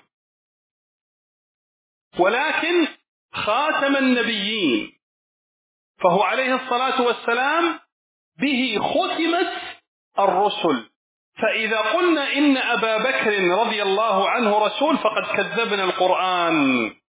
شخص يقول هذا محبة له وإن كان محبة قولك هذا كفر غلو. اسمع إذا من أنزل منزلة الصديق أبي بكر منزلة النبي صلى الله عليه وسلم وكلاهما عبد. النبي صلى الله عليه وسلم أشرف أوصافه أنه عبد. وما الدليل؟ قال ربي جل وعلا في كتابه سبحان الذي أسرى بعبده. ففي مواطن الشرف والرفعة وعلو المنزلة يصفه بالعبودية وأنه لما قام عبد الله ولم يقل سبحان الذي أسرى بنبيه ولا برسوله. لأن أعلى مقامات النبي صلى الله عليه وسلم ماذا؟ العبودية. إذا هناك من يغلو في النبي صلى الله عليه وسلم فيقول ويخالف القرآن والسنة. فيقول هو يعلم الغيب وينفع ويضر. ونحن قلنا إذا تنازعنا الفرق الذي أخبرتكم قبل قليل الصوفي والأشعري والإخوان والتبليغ وإلى آخره إذا اختلفنا في شيء فالله عز وجل قال فإن تنازعتم في شيء فردوه إلى من؟ إلى شيخ الطريقة؟ إلى مفتي البلاد؟ إلى من؟ فردوه إلى الله والرسول إن كنتم تؤمنون بالله واليوم الآخر. طيب تنازعنا. هل الرسول صلى الله عليه وسلم اليوم نرى الخلاف؟ هل الرسول صلى الله عليه وسلم ودعوني أقف هنا الرسول صلى الله عليه وسلم هو ماذا؟ هو أعلى هو أعلى وأجل وأكبر ولي من أولياء الله. من هو سيد الأولياء؟ هو محمد صلى الله عليه وسلم. من هو إمام الأولياء؟ هو محمد صلى الله عليه وسلم. إذا كل ولي فهو ماذا؟ دون دون النبي صلى الله عليه وسلم. طيب الأمة اليوم اختلفت. اليوم اختلفت. فهناك من يذهب إلى الضريح ويقول هذا ولي. أريد أن يرزقني. أريد أن يزوجني. أريد أن يكشف الضر. أريد أن يفعل أريد أريد. هذا يقع في في في أمة محمد صلى الله عليه وسلم اليوم ولا ما يقع؟ يقع. طيب هو يقول صواب وأنا أقول خطأ وهذا يقول خطأ وذاك يقول صواب. الحق مع من؟ الله عز وجل أمرنا جميعا. قل إن كنتم تحبون الله ماذا؟ اتبعوني أمرنا جميعا. إن تنازعتم في شيء فردوه إلى من؟ الله والرسول. طيب هل الولي وهو سيد الأولياء محمد صلى الله عليه وسلم ماذا قال عنه ربنا في كتابه؟ هذا اسمه غلو. النبي صلى الله عليه وسلم قال لا تطروني كما أطرت النصارى عيسى ابن مريم. إنما أنا عبد فقولوا عبد الله. في صحيح البخاري من حديث عمر رضي الله عنه وقال إياكم والغلو. ثم اسمع ماذا قال عليه الصلاة والسلام. بل ماذا قال ربنا جل وعلا عنه؟ قل لا أملك لنفسي نفعا ولا ضرا. وقال عن نفسه لو كنت أعلم الغيب لاستكثرت من الخير وما مسني السوء. سيد الأولياء عليه الصلاة والسلام لم يستطع أن يدفع عن نفسه فكيف يستطيع أن يدفع عن غيره؟ وهو حي. بدلالة ماذا؟ في الصحيح وفي غزوة أحد وهي بالتواتر كسرت رباعيته في الصحيحين. كسرت رباعيته صلى الله عليه وسلم وشج رأسه وسال دمه وطرد من مكة وأوذي. فلم يستطع أن يدفع عن نفسه. بلال أليس ولي؟ عمار أليس ولي؟ سمية أليست ولي؟ حمزة أليس ولي؟ كلهم أولياء. هذا عذب وهذا قتل. بل من الأنبياء من قتل. ما استطاع أن يدفع عن نفسه. إنما النفع والضر بيد الله جل وعلا. فإذا قلت إن الولي ينفع ويضر هذا اسمه غلو. هذا اسمه غلو. بل الأولياء أيها الأحبة وعلى رأسهم الأنبياء لم ينفعوا بعضهم لم ينفع أباه وبعضهم لم ينفع ابنه. هذا في القرآن. قال نوح نوح أليس ولي من أولياء الله. قال يا بني اركب معنا. قال سآوي إلى جبل يعصمني من الماء. ماذا قال نوح لربه؟ قال ربي إن ابني من أهلي وإن وعدك الحق. قال إنه ليس من أهلي. ولا تسألني ما ليس لك به علم. إني أعظك أن تكون من الجاهلين. هل استطاع نوح أن يهدي ابنه؟ ها؟ ما استطاع. إبراهيم عليه الصلاة والسلام هل استطاع أن يهدي أباه؟ ما استطاع. النبي صلى الله عليه وسلم أكمل الناس علم وأكمل الناس خلق وأشرف الناس منزلة. حاول في عمه أبا طالب حاول حاول سنة وسنتين وثلاث. هل هدى للإسلام؟ فأنزل الله إنك لا تهدي من أحببت ولكن الله يهدي من يشاء. إذا الأولياء والصالحون نتقرب إلى الله بحبهم لكن يجب علينا أن ننزلهم المنزلة التي أنزلهم الله إياها في الصحيحين قال عليه الصلاة والسلام يا عباس عم رسول الله يا صفية عمة رسول الله يا فاطمة بنت محمد لا أغني عنكم من الله شيئا. إذا الأولياء لا يستطيعون أن ينفعوا أو يضروا. بدلالة ماذا؟ بدلالة القرآن والسنة. فإن تنازعتم في شيء فردوه إلى إلى الله والرسول إلى القرآن وإلى السنة. ما سبب قصة التيمم؟ عائشة أمي رضي الله عنها الصديقة بنت الصديق كانت تلبس عقدا استعارته وأخذته من امرأة. فسقط العقد. الجيش أنا سقط العقد جاءت الناقة وبركت فوق العقد صار العقد تحته. أراد النبي صلى الله عليه وسلم أن يحرك الجيش. قالت عائشة يا رسول الله فقدت عقدي. فأمر النبي صلى الله عليه وسلم بالجيش حتى يجد عقد ماذا؟ عائشة. بحثوا عنه بحثوا بحثوا ما وجد. من هو سيد الأولياء؟ محمد عليه الصلاة والسلام. معهم ولا من معهم؟ معهم في الجيش. أبو بكر من سادة الأولياء أم لا؟ ولي من سادة الأولياء. عمر عثمان عائشة أمي ولية من أولياء الله أم لا؟ لا شك أنها ولية من أولياء الله. لم يعلموا مكان العقد وبينهم وبينه متر واحد. لو كان النبي صلى الله عليه وسلم أو أبو بكر وهم من الأولياء يعلمون الغيب لقال ماذا؟ العقد تحت الناقة. لما قامت الناقة وجدوا العقد. لو كان الولي يعلم الغيب لما ذهب الحسين وقتل في كربلاء وقتل معه من قتل. لو كان الولي يعلم الغيب فحمزة هو أعظم من جميع اليوم من يدعي الولاية. لما ذهب إلى أحد ليقتل. أليس كذلك؟ وبكى عليه النبي صلى الله عليه وسلم على عمه حمزة. إذا نحن نحب الأولياء لكن الله أن نغلو فيهم كما نغلو فيهم فنقول أبو بكر نبي. لا. أو أو الرسول يعلم الغيب. لا. الرسول قالها الله عز وجل صريحة. إنما وحي يوحى. يوحي الله عز وجل إليه. أما عدا ذلك فلا يعلم عليه الصلاة والسلام. بدلالة هذه الأحاديث والآيات التي مرت معنا أيها الأحبة. إذا الناس في في حقيقة محبتهم للنبي صلى الله عليه وسلم على ثلاث فرق جفاء وغلو وماذا؟ وتوسط. كما قال ربي وأن هذا صراطي مستقيما مستقيما. فاتبعوه ولا تتبعوا السبل فتفرق بكم عن سبيله.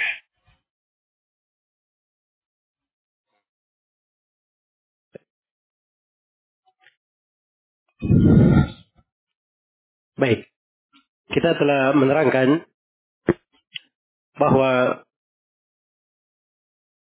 akan terjadi atau umat ini telah terjadi di tengah mereka apa yang dikabarkan oleh Nabi Shallallahu Alaihi Wasallam berupa perselisihan dan perpecahan.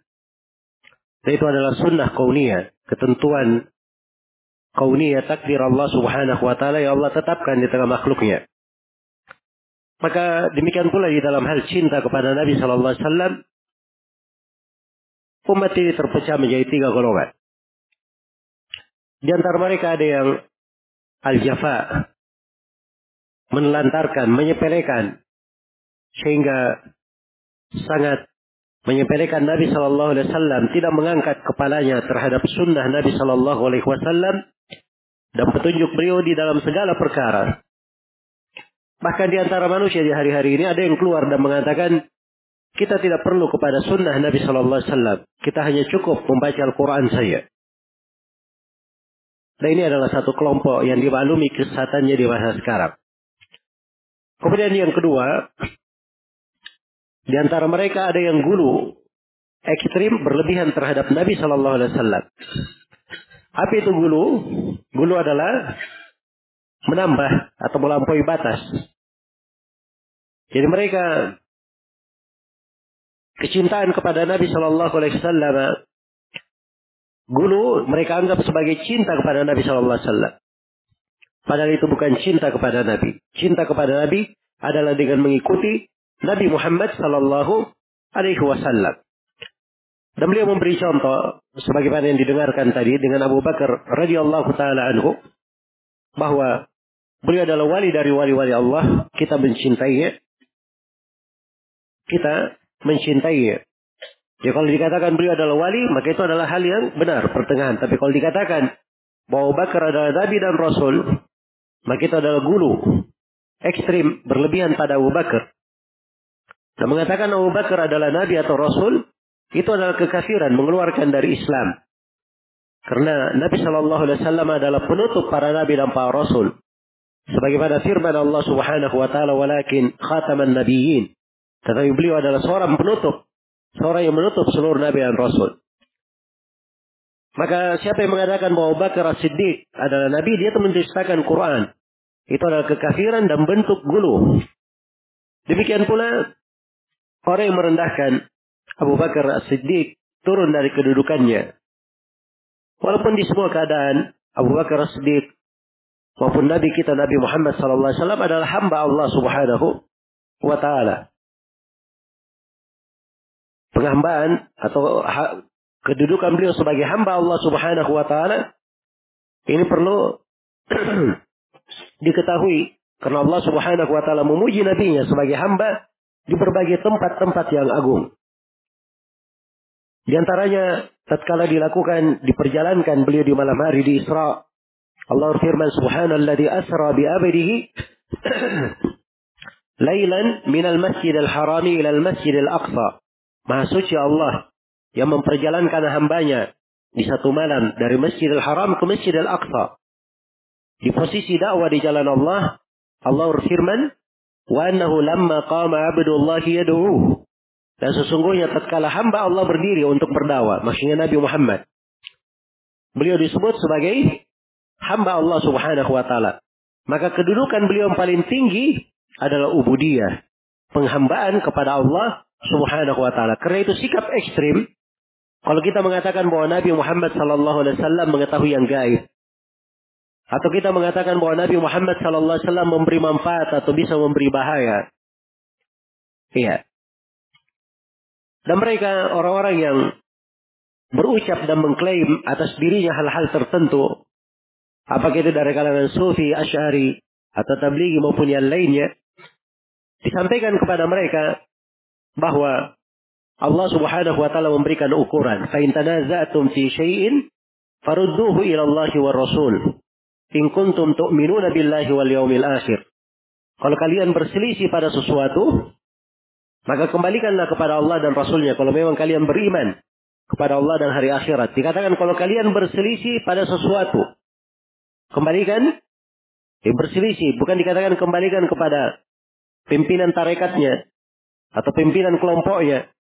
Tetapi dikembalikan kepada Allah dan Rasulnya.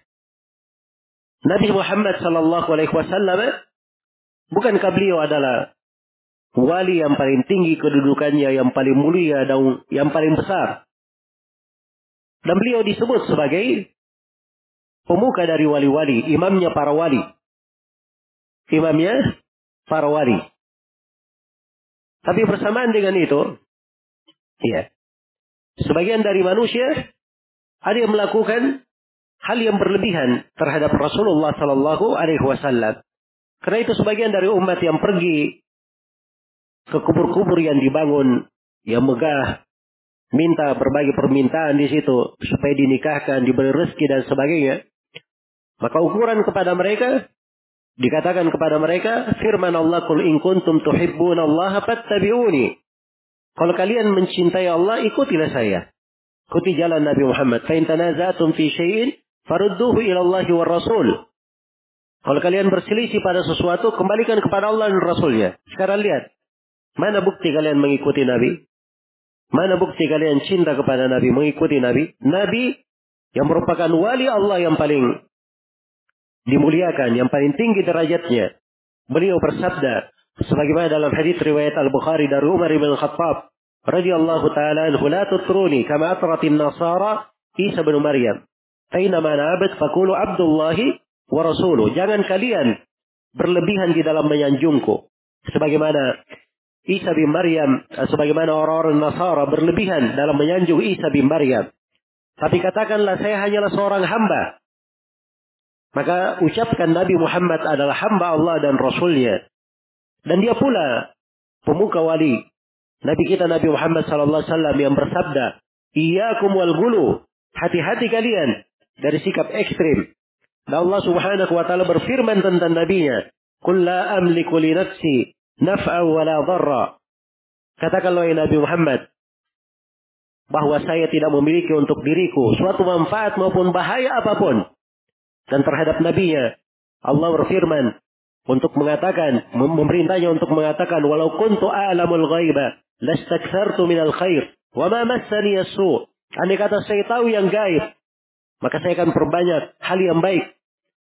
Saya akan perbanyak perkara yang baik dan tidak ada kejelekan yang menimpaku. Dan dimaklumi bahwa Nabi Muhammad SAW, walaupun beliau adalah yang paling tinggi derajatnya di antara wali-wali Allah, beliau tidak bisa menolak bahaya dari dirinya. Pernah patah gigi taring beliau, luka kepala beliau. Dan perhatikan dari wali-wali Allah, Bilal, Ammar, Sumayyah, Hamzah. Bukankah mereka wali-wali Allah? Di antara mereka ada yang terbunuh, disiksa, dan di antara mereka ada yang terbunuh. Iya. Maka Nabi kita, Nabi Muhammad sallallahu alaihi wasallam demikian pula para sahabat mereka wali-wali Allah, siapa yang mengangkat mereka lebih daripada derajat yang semestinya maka itu adalah guru. Ya, demikian pula para nabi yang lain. Para nabi yang lain. Mereka tidak ada yang dikatakan wali, tetapi bisa memberi manfaat kepada anak maupun ayahnya. Nabi Nuh alaihi salam, dia mengajak kepada putranya Ya bunayya arkam ma'ana wa la ma'al kafirin. Wahai anakku, naiklah engkau di perahu bersama kami. Jangan engkau bersama orang-orang kafir. Dia menolak. Dan Nabi Nuh mendoakan anaknya berdoa kepada Allah. Inna bni, ha, inna bni min ahli wa inna wa'adaka al-haq. Wa anta ahkamul hakimin. Sungguhnya anakku dari keluargaku dan sungguhnya janjimu maha benar ya Allah dan kau adalah yang paling kuat hukumnya. Bersama dengan itu Allah menegur Nabi Nabi Nuh alaihi salam. Innahu laysa min ahlik. Innahu amalun ghairu salih. Fala tas'alni am fala tas'alni ma laysa laka bihi ilm. Inni a'idzuka an takuna minal jahilin. Sungguhnya dia itu bukan anak engkau. Itu amalan bukan amalan yang salih. Maka jangan engkau meminta kepadaku apa yang tidak engkau tidak memiliki ilmu tentangnya saya menasihati engkau, aku menasihati engkau Nuh, jangan sampai engkau tergolong kepada orang-orang yang jahil. Apakah Nabi Nuh mampu memberi manfaat kepada anaknya? Tidak mampu. Demikian pula Nabi Ibrahim alaihissalam. Apakah dia mampu memberi manfaat kepada ayahnya? Dia tidak mampu. Nabi kita yang merupakan wali yang paling mulia, pemuka para wali, dia tidak mampu memberi hidayah kepada pamannya. Abu Talib bahkan turun firman Allah menegurnya, Inna la tahdi man ahbabat Walakin Allah yahdi man yasha. Sungguhnya engkau ya Nabi Muhammad tidak bisa memberi hidayah kepada siapa yang kau kehendaki. Akan tetapi Allah memberi hidayah terhadap siapa yang sungguhnya engkau Nabi Muhammad tidak bisa memberi hidayah siapa yang terhadap siapa yang kamu cintai. Tapi dialah Allah yang memberi hidayah kepada siapa yang dia kehendaki. Maka kita dudukkan Nabi Shallallahu Alaihi Wasallam pada tempatnya. Jangan seorang itu melebihkan dan berlaku ekstrim terhadap beliau sekalipun. Bahkan datang di dalam hadis yang diriwayatkan oleh di dalam as-sahih bahwa Nabi Shallallahu Alaihi Wasallam pernah memanggil pamannya wahai Abbas, bibinya wahai Safia, putrinya wahai Fatimah, bebaskan diri diri kalian dari api neraka. Sesungguhnya saya tidak mampu memberi manfaat kepada kalian. Maka itulah Nabi kita, Nabi Muhammad Sallallahu Alaihi Wasallam. Juga di antara hal yang perlu dicermati tentang kisah turunnya syariat tayamum.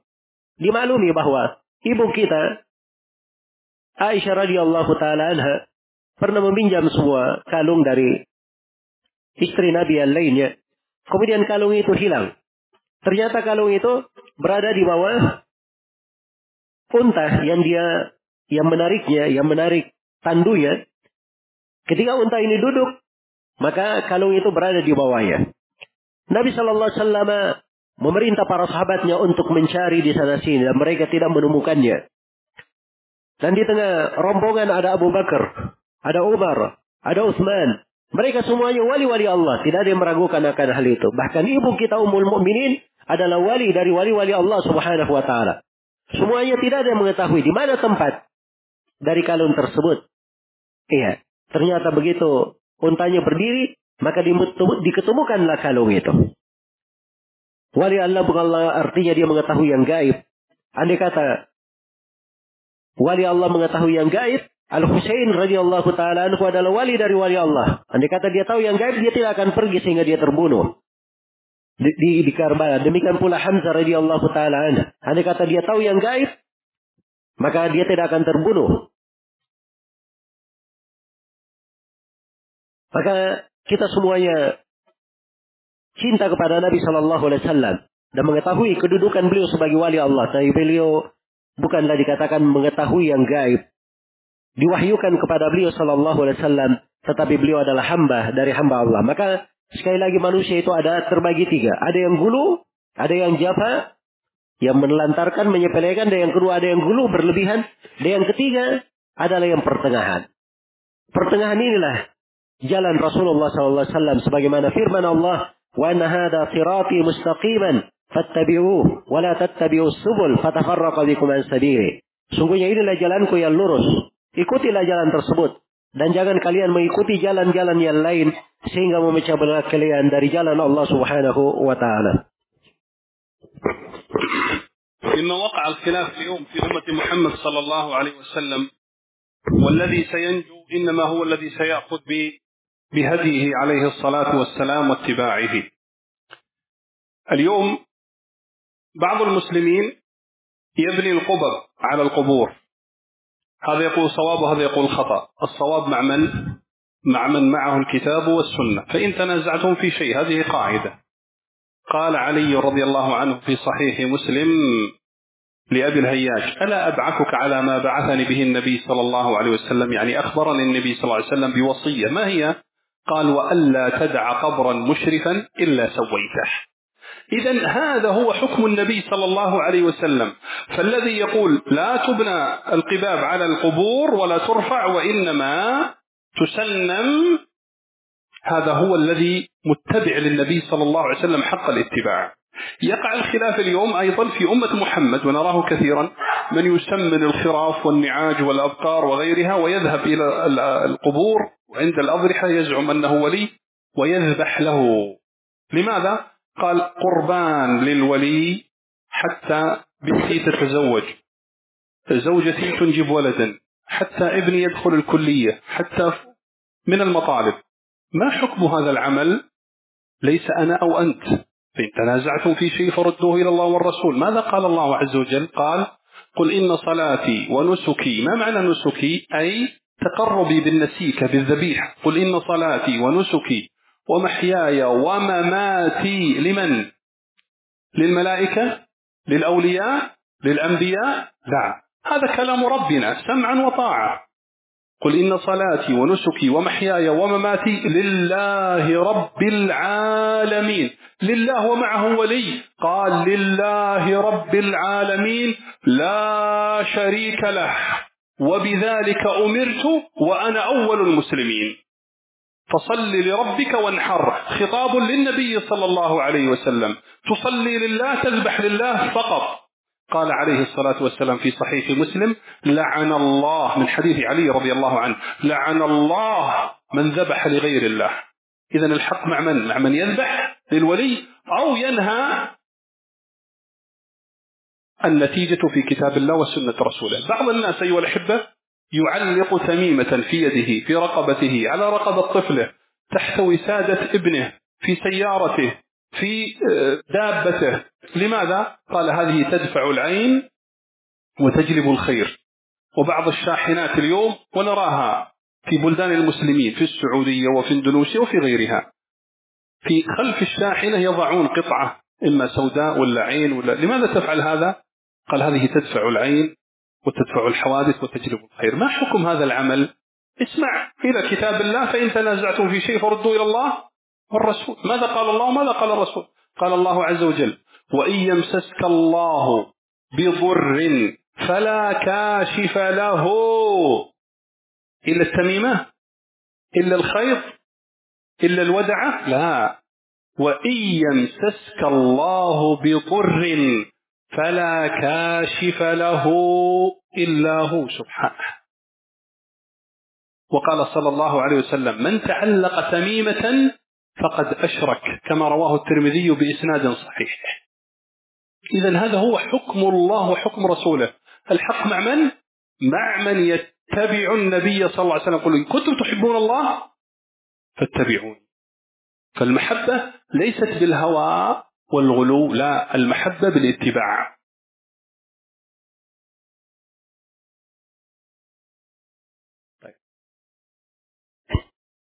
Kemudian terjadi ketika terjadi perselisihan di antara manusia, mereka yang bernisbat kepada Islam, maka yang selamat adalah siapa yang mengikuti Nabi Shallallahu Alaihi Wasallam. Kemudian beliau memberi beberapa contoh, seperti misalnya ada sebagian orang yang membangun kubah-kubah di atas kuburan. Maka mereka berselisih, ada mengatakan itu benar, ada yang mengatakan itu salah. Ada yang mengatakan itu benar, dan ada yang mengatakan itu salah. Maka di dalam hal yang seperti ini, seorang itu harus mengembalikannya kepada petunjuk Nabi Shallallahu Alaihi Wasallam. Karena itu ukuran di dalam menyelesaikan kembali kepada apabila kalian berselisih pada sesuatu kembalikan kepada Allah dan Rasulnya. Telah syah di dalam Sahih Muslim dari Ali bin Abi Thalib radhiyallahu taala anhu, beliau berkata kepada uh, mana ada lidir Ali Abu huh? Abu men. من أيوة أيوة أبو حياج صحيح نسيت Nabi uh, Ali bin Abi Thalib pernah berkata kepada Abu Hayyaj dari kalangan tabi'in, ingin kau engkau saya utus sebagaimana Nabi Shallallahu Alaihi Wasallam mengutusku. Maka di antara tugas yang Ali pernah diutus dengannya, wala tada qabran musyrifan illa sawaita. Jangan engkau meninggalkan kubur yang tinggi kecuali kamu ratakan. Nah, inilah petunjuk Nabi. Ukuran ketika terjadi perselisihan kembali kepada Allah dan Rasulnya. Maka keputusan Nabi tidak boleh diangkat. Tetapi cukup ditinggikan sedikit sekitar sejengkal. Demikian pula di antara mereka ada yang melakukan perbuatan menyembelih di kuburan atau di tempat-tempat tertentu dengan berbagai niat supaya dimudahkan untuk menikah, yang sana supaya dimudahkan mendapatkan anak, yang sana supaya keturunannya atau anaknya bisa masuk kuliah atau dia memiliki berbagai keinginan di dalam hal tersebut. Dia melakukan penyembelihan. Penyembelihan ini ketika diukur boleh atau tidaknya benar atau salahnya maka kita kembali kepada perintah. Kalau kalian berselisih, kembalilah. Kembalikan kepada Allah dan Rasulnya. Kalau memang kalian cinta kepada Allah, ikutilah Nabi Shallallahu Alaihi Wasallam. Sedangkan Allah telah berfirman di dalam hal ini, Qul inna salati wa nusuki wa mahyaya wa mamati lillahi rabbil alamin la syarika lahu wa bidzalika umirtu ana awwalul muslimin. Katakanlah sungguhnya salatku dan sembelihanku. Nusuki artinya sembelihanku. Kehidupanku dan matiku untuk siapa? Apakah untuk penghuni kubur? Atau orang yang disembelih untuknya? Tapi untuk dikatakan lillahi rabbil alamin. Untuk Allah rabbil alamin. Tidak ada syarikat baginya. Demikianlah saya diperintah. Dan saya termasuk orang-orang yang pertama berserah diri kepada Allah Subhanahu wa taala. Dan Allah berfirman, "Fashalli li rabbika wanhar." Lakukanlah salat hanya untuk Rabbmu dan menyembelihlah engkau hanya untuk Allah Subhanahu wa taala. Dan diriwayatkan oleh Imam Muslim dari Ali bin Abi Thalib radhiyallahu taala anhu. Rasulullah sallallahu alaihi wasallam bersabda, "La'ana Allahu man dhahaba li ghairillah." Allah melaknat orang yang menyembelih untuk selain Allah Subhanahu wa taala. Maka kalau begitu, ukuran kebenaran itu dilihat pada apa yang datang dari Rasulullah sallallahu alaihi wasallam dan kesimpulan pada apa yang mereka berselisih, kesimpulannya itu dilihat pada apa yang diterangkan di dalam Al-Qur'an dan sunnah Rasulullah sallallahu alaihi wasallam. Contoh lain yang menggantung yang menyimpan dari jimat-jimat atau gantungan-gantungan ada yang kadang diletakkan di bawah bantalnya, di tempat tidurnya, di mobilnya, dengan niat untuk menolak bala atau menolak kejelekan dari pandangan mata. Dan kadang kita melihat dari sebagian mobil-mobil yang mengangkut barang-barang, ada ikatan-ikatan hitam atau ikatan tertentu. Ketika ditanyakan kenapa engkau melakukan hal tersebut, maka dia menyangka bahwa itu bisa menolak bala, menolak kejelekan dan ketentuan di dalam hal ini untuk mengukur yang mana yang benar adalah firman Allah Subhanahu wa taala wa iyyam saskallahu bidurrin fala kashifa lahu illahu. Allah telah berfirman kalau ada kalau dia menimpakan, kalau Allah menimpakan kepada engkau dengan bahaya, maka tidak ada yang bisa menyingkap bahaya itu kecuali Allah Subhanahu wa taala. Maka segala bentuk jimat-jimat atau apa yang digantung, apa yang dipakai untuk menolak dari bala, itu tidak bisa menolak apa pun dan tidak ada yang bisa menyingkap sesuatu kecuali hanya Allah Subhanahu wa taala. Dan Rasulullah sallallahu alaihi wasallam bersabda, "Man ta'allaqa tamimatan faqad asyrak." Siapa yang menggantung sebuah jimat maka dia telah berbuat kesyirikan. Demikian di dalam riwayat At-Tirmidzi dengan sanad yang sahih. Maka cinta kepada Nabi Shallallahu Alaihi Wasallam bukan dengan hawa nafsu, tapi cinta kepada Nabi Shallallahu Alaihi Wasallam dengan mengikuti beliau, mengikuti dari petunjuknya. Akhir mungkin. Tadi akhirah. طيب. طيب حتى لا نطيل أيها الأحبة. قلنا الطاعة فعل وترك. وهذه اضبطوها. فعل وترك. صلى النبي صلى الله عليه وسلم العصر أربعا نصلي كم؟ أربعة. المغرب أربع نصلي ثلاث الفجر نصلي ثلاث ها؟ ركعتان. لماذا؟ لأنه صلى الله عليه وسلم صلى أربع ثلاث اثنين نحن نفعل كما فعل عليه الصلاة والسلام. أذن للظهر. نؤذن للظهر؟ نؤذن. أذن للعصر؟ نؤذن؟ نؤذن. أذن للعيد؟ لا. إذا صلاة العيد لا نؤذن لها. لماذا؟ لأنه ترك فنترك. أذن لي في العصر فعل ماذا؟ نفعل.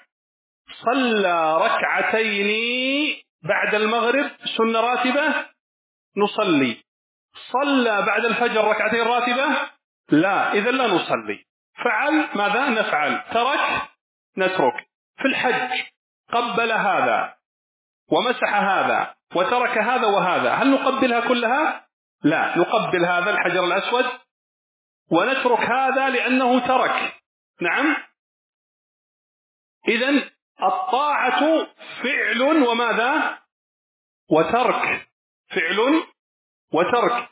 احتفل النبي صلى الله عليه وسلم بواحد من يوم من شهر شوال عيد الفطر. احتفل؟ نحتفل. احتفل عليه الصلاة والسلام بعشر شوال لا نحتفل. احتفل في واحد شوال نحتفل. ترك في عشر شوال نترك. احتفل في عشر ذي الحجة عيد الأضحى ماذا؟ نحتفل. احتفل في واحد ذي الحجة لم يحتفل ترك. إذا نترك. وكذا أبو بكر وعمر وعثمان. هل فعلوا؟ اليوم بعض الناس يحتفل بليلة السابع والعشرين من رجب يقول ليلة الإسراء والمعراج. هو يقول نحتفل وأنا وأنت تقول لا يحتفل وذاك يقول نحتفل. فإن تنازعنا ولا ما تنازعنا؟ إذا تنازعنا نرده إلى من؟ إلى الله ورسوله. نعم. قال عليه الصلاة والسلام عليكم بسنتي. ها. وسنة الخلفاء الراشدين المهديين من بعد عضوا عليها بالنواجذ. هل احتفل النبي صلى الله عليه وسلم بليلة السابع والعشرين من رجب؟ الثاني عشر من ربيع الأول؟ لا. إذا لا, لا نحتفل. أبو بكر احتفل؟ لا. الذي يقول احتفل نقول هذا القرآن والبخاري ومسلم والترمذي والكتب الستة وموطأ مالك ومسند أحمد والطبراني والبيهقي. عطنا حديث واحد فقط أنه ماذا؟ احتفل. فإن النبي صلى الله عليه وسلم ماذا؟ بلغ الدين كله حتى مسائل قضاء الحاجة. قضاء الحاجة. كيف نقضي الحاجة؟ نغسل باليمين ولا باليسار؟ علمنا إياها عليه الصلاة والسلام. قال صلى الله عليه وسلم في صحيح مسلم عفوا قال جاء حبر من اليهود إلى سلمان الفارسي قال علمكم نبيكم كل شيء؟ قال نعم حتى الخراءة إذا نفعل ما فعل ونترك ما ترك. وقف عليه الصلاة والسلام يوم التاسع من ذي الحجة في عرفة. نقف يوم التاسع في عرفة. تسعة رمضان. هل نقف في عرفة؟ لا. لماذا؟ لأنه ترك ماذا؟ نترك. وهكذا في جميع العبادات. لا ندخل أهواءنا ماذا؟ وإنما نحن ماذا متبعون لحبيبنا وسيدنا صلى الله عليه وسلم نفعل ما فعل ونترك ما ترك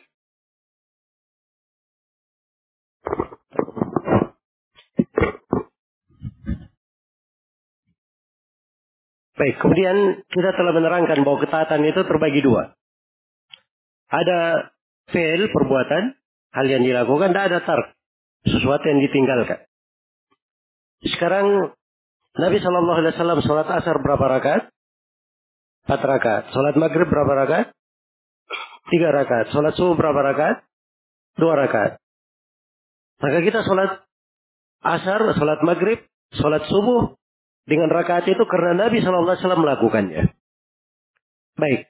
Nabi Shallallahu Alaihi Wasallam ada untuk duhur? Hah? Ada untuk asar? Iya. Kita adan karena Nabi Shallallahu Alaihi Wasallam memberikan tuntunan. Sekarang apakah Nabi adan untuk sholat id? Jawabannya tidak. Kita meninggalkannya karena Nabi juga apa? Meninggalkannya. Nabi Shallallahu Alaihi Wasallam sholat dua rakaat setelah maghrib, sholat sunnah rawatib. Maka kita melakukannya karena Nabi melakukannya. Sholat dua rakaat setelah sholat subuh, Nabi melakukan? Tidak melakukannya. Berarti kita tidak melakukannya karena Nabi tidak melakukannya. Demikian pula di dalam haji. Nabi SAW mencium sebagian dari Ka'bah, ada yang dia usap, ada yang dia tinggalkan. Iya. Beliau mencium dari Hajar Aswad, ada yang diusap.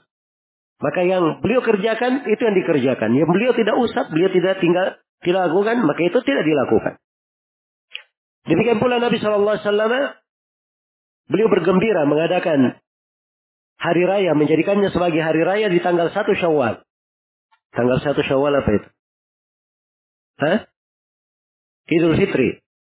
Antum hari raya atau tidak? Baik. Hari raya. Apakah Nabi melakukan hari raya di 10 Dul, di 10 Syawal? Tidak. Tanggal 10 Dhul Hijjah ada hari raya atau tidak? Apa namanya? Idul Adha. Apakah Nabi SAW melakukan hari raya di tanggal 1 Dhul Hijjah? Tidak. Abu Bakar dan Umar juga tidak ada yang melakukan hal itu. Tanggal 22 Rajab. Apakah ada perayaan Apakah ada perayaan dalam hal itu? Setiap kali terjadi perselisihan, maka kaidahnya dikembalikan kepada Allah dan Rasulnya dengan hadis yang telah berlalu. Fa'alaikum bisunnati wa sunnatil khulafa'ir rasyidin al-mahdiyyin abdu alaiha bin nawajid. Hendaknya kalian berpegang dengan sunnahku dan sunnah para khulafa'ir rasyidin yang datang setelahku. Gigit dengan gigi raham kalian. Jadi yang mengatakan Nabi melakukan perayaan di tanggal 22 Rajab dan seterusnya Ditanyakan kepada mereka, ini Al-Quran bersama kita. Hadis-hadis Rasulullah, tunjukkan darinya. Di mana tuntunannya? Sebab dalam agama ini segala sesuatu diterangkan sampai hal yang paling kadang seorang tidak berpikir ber, menanyakannya juga diterangkan oleh Nabi tentang bagaimana tata cara membuang hajat. Sampai datang seorang ulama Yahudi kepada Salman Al-Faris selalu berkata, apakah Nabi kalian mengajari kalian segala sesuatu sampai tata cara membuang hajat? Mereka berkata iya. Sampai tata cara membuang hajat diajari oleh Nabi Shallallahu Alaihi. Sekarang di hari Arafah, tanggal 9 Hijjah, kita lakukan wukuf atau tidak? Iya, wukuf di Arafah. Kenapa? Karena Nabi melakukannya. Tanggal 9 Ramadan, kita wukuf di Arafah? Jawabannya tidak. Kenapa? Karena Nabi tidak melakukannya. Maka demikianlah di dalam seluruh ibadah seseorang itu adalah mengikuti Nabi Shallallahu Alaihi Wasallam. Kita melakukan apa yang dilakukan oleh Nabi dan meninggalkan apa yang ditinggalkan oleh Nabi Shallallahu Alaihi Wasallam.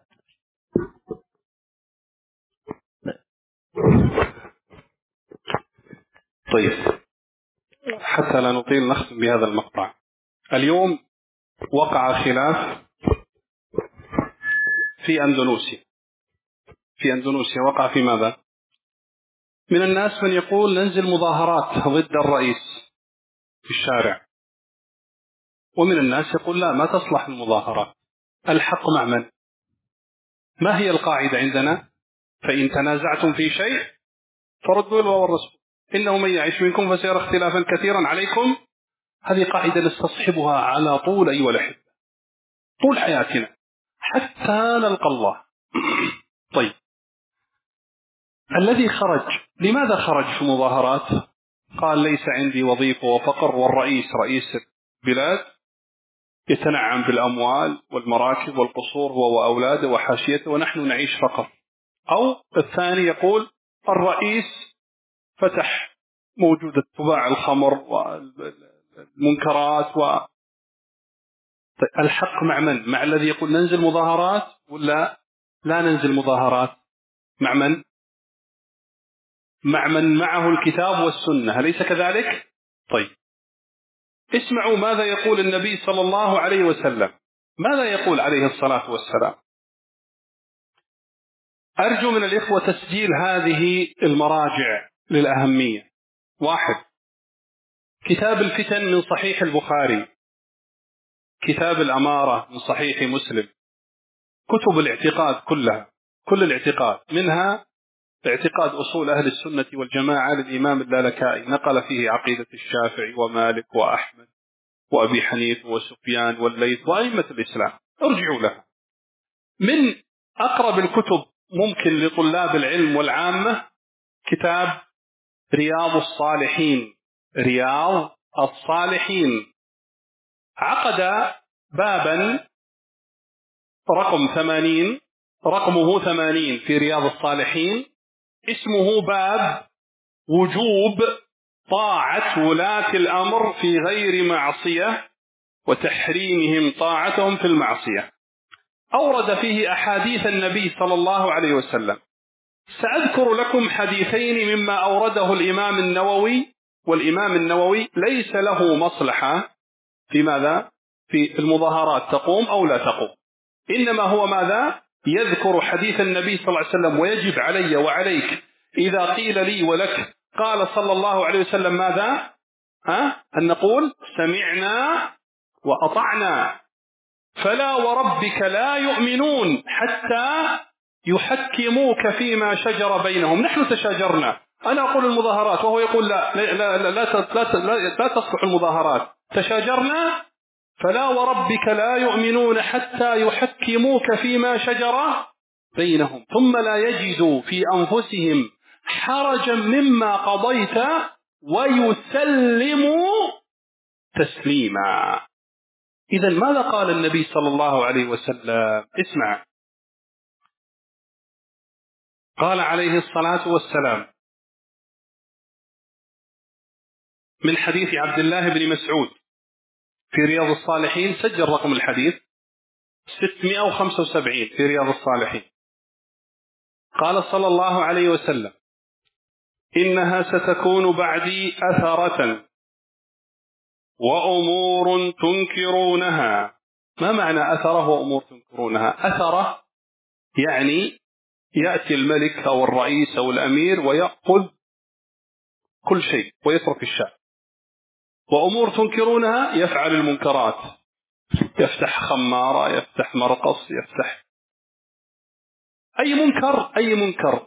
ما حده قال صلى الله عليه وسلم ما لم تروا كفرا بواح طيب.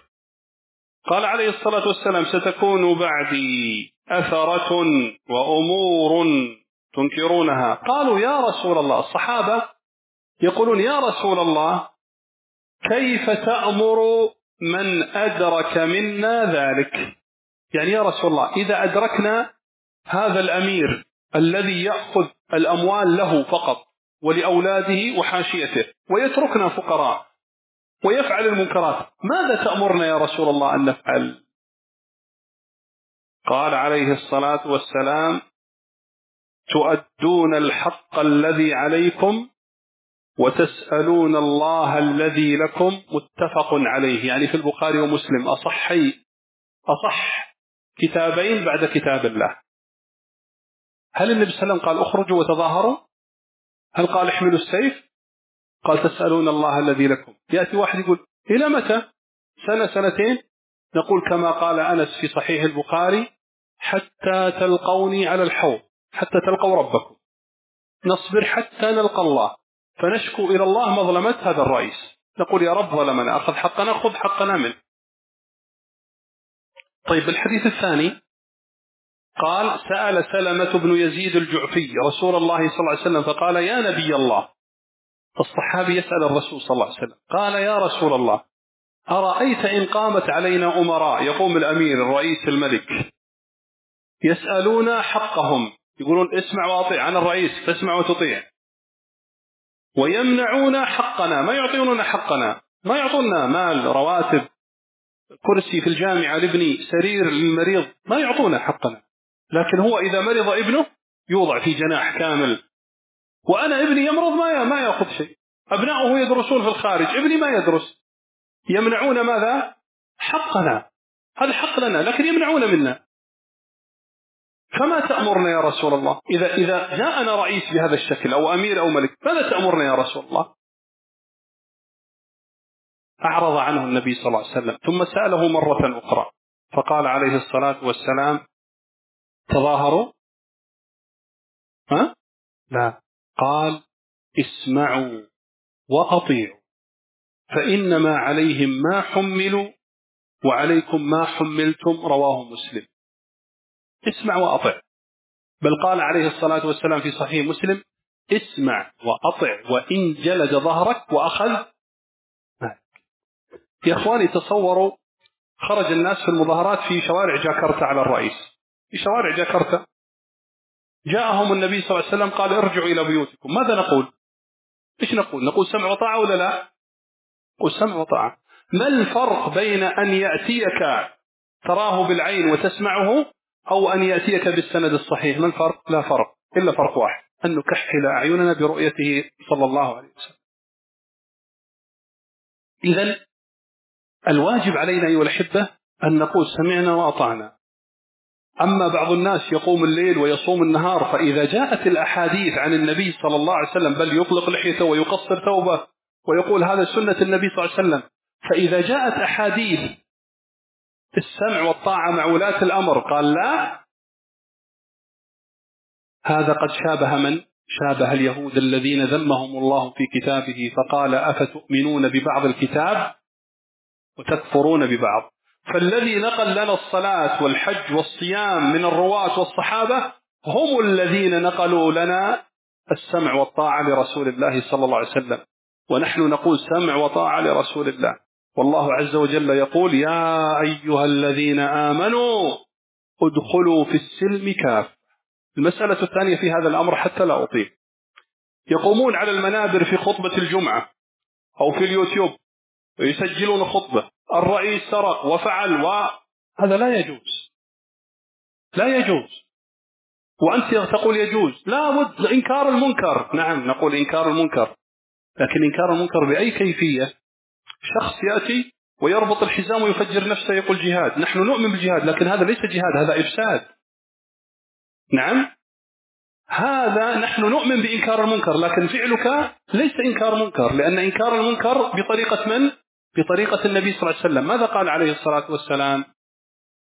قال عليه الصلاة والسلام من حديث عياض بن غنم قال قال صلى الله عليه وسلم من أراد أن ينصح لذي سلطان فلا يبذه علانية.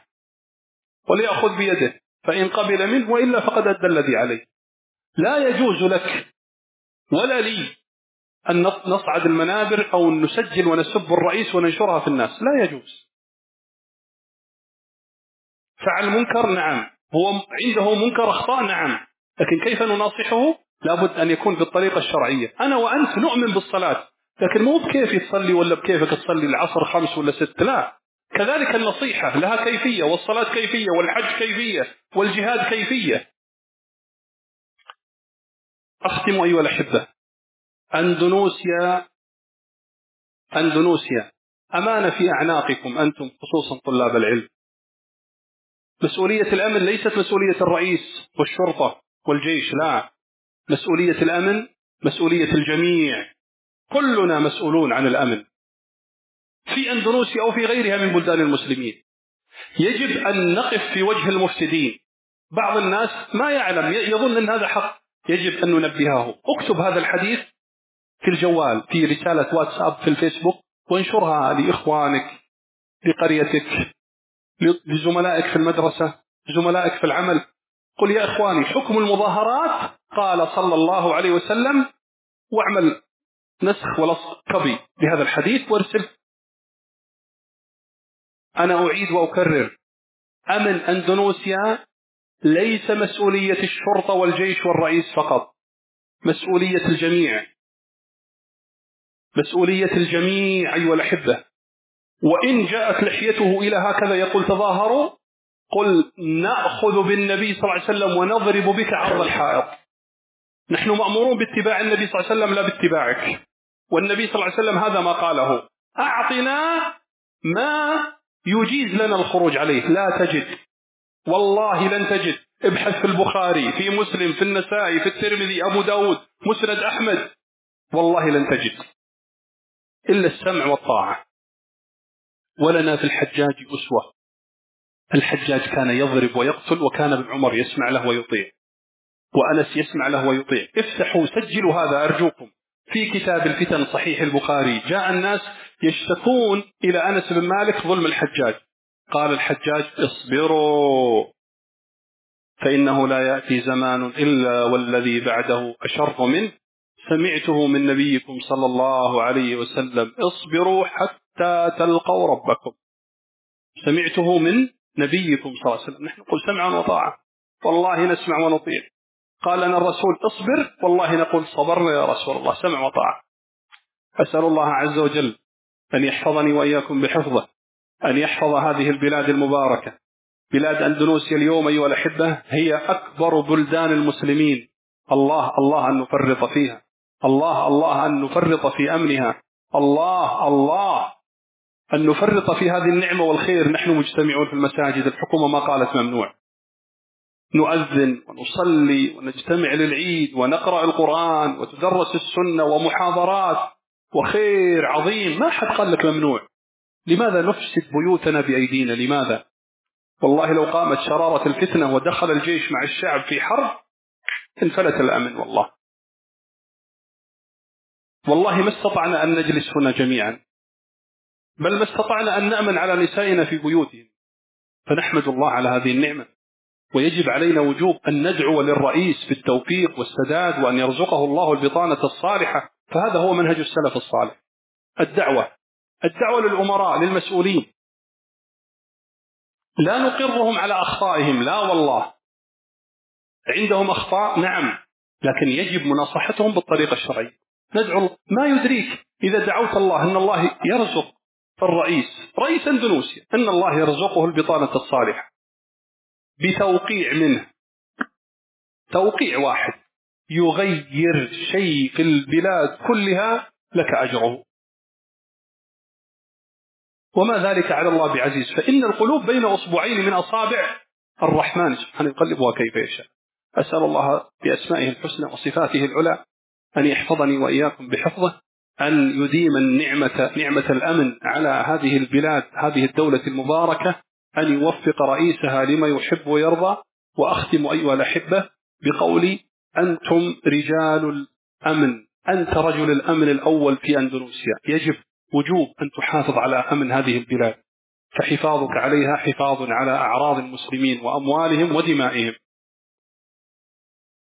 أختم أيها الأحبة أن موضوع الاتباع بين أمرين بين هوى وعاطفة وبين اتباع الكتاب والسنة نترك العاطفة ونترك الهوى. إذا جاءك شخص قال ما تحتفل بالمولد ما أنت ما تحب النبي قل أنا أحب النبي لكن حب النبي صلى الله عليه وسلم ليس بالهوى والعاطفة إنما حب النبي صلى الله عليه وسلم بماذا؟ باتباع الكتاب والسنة. القاعدة الذهبية العظيمة فإن تنازعتم في شيء فردوه إلى الله والرسول. أسأل الله عز وجل أن يحفظني وإياكم بحفظه وأن يتولانا بولايته. والله أعلم وصلى الله وسلم على نبينا محمد. Baik.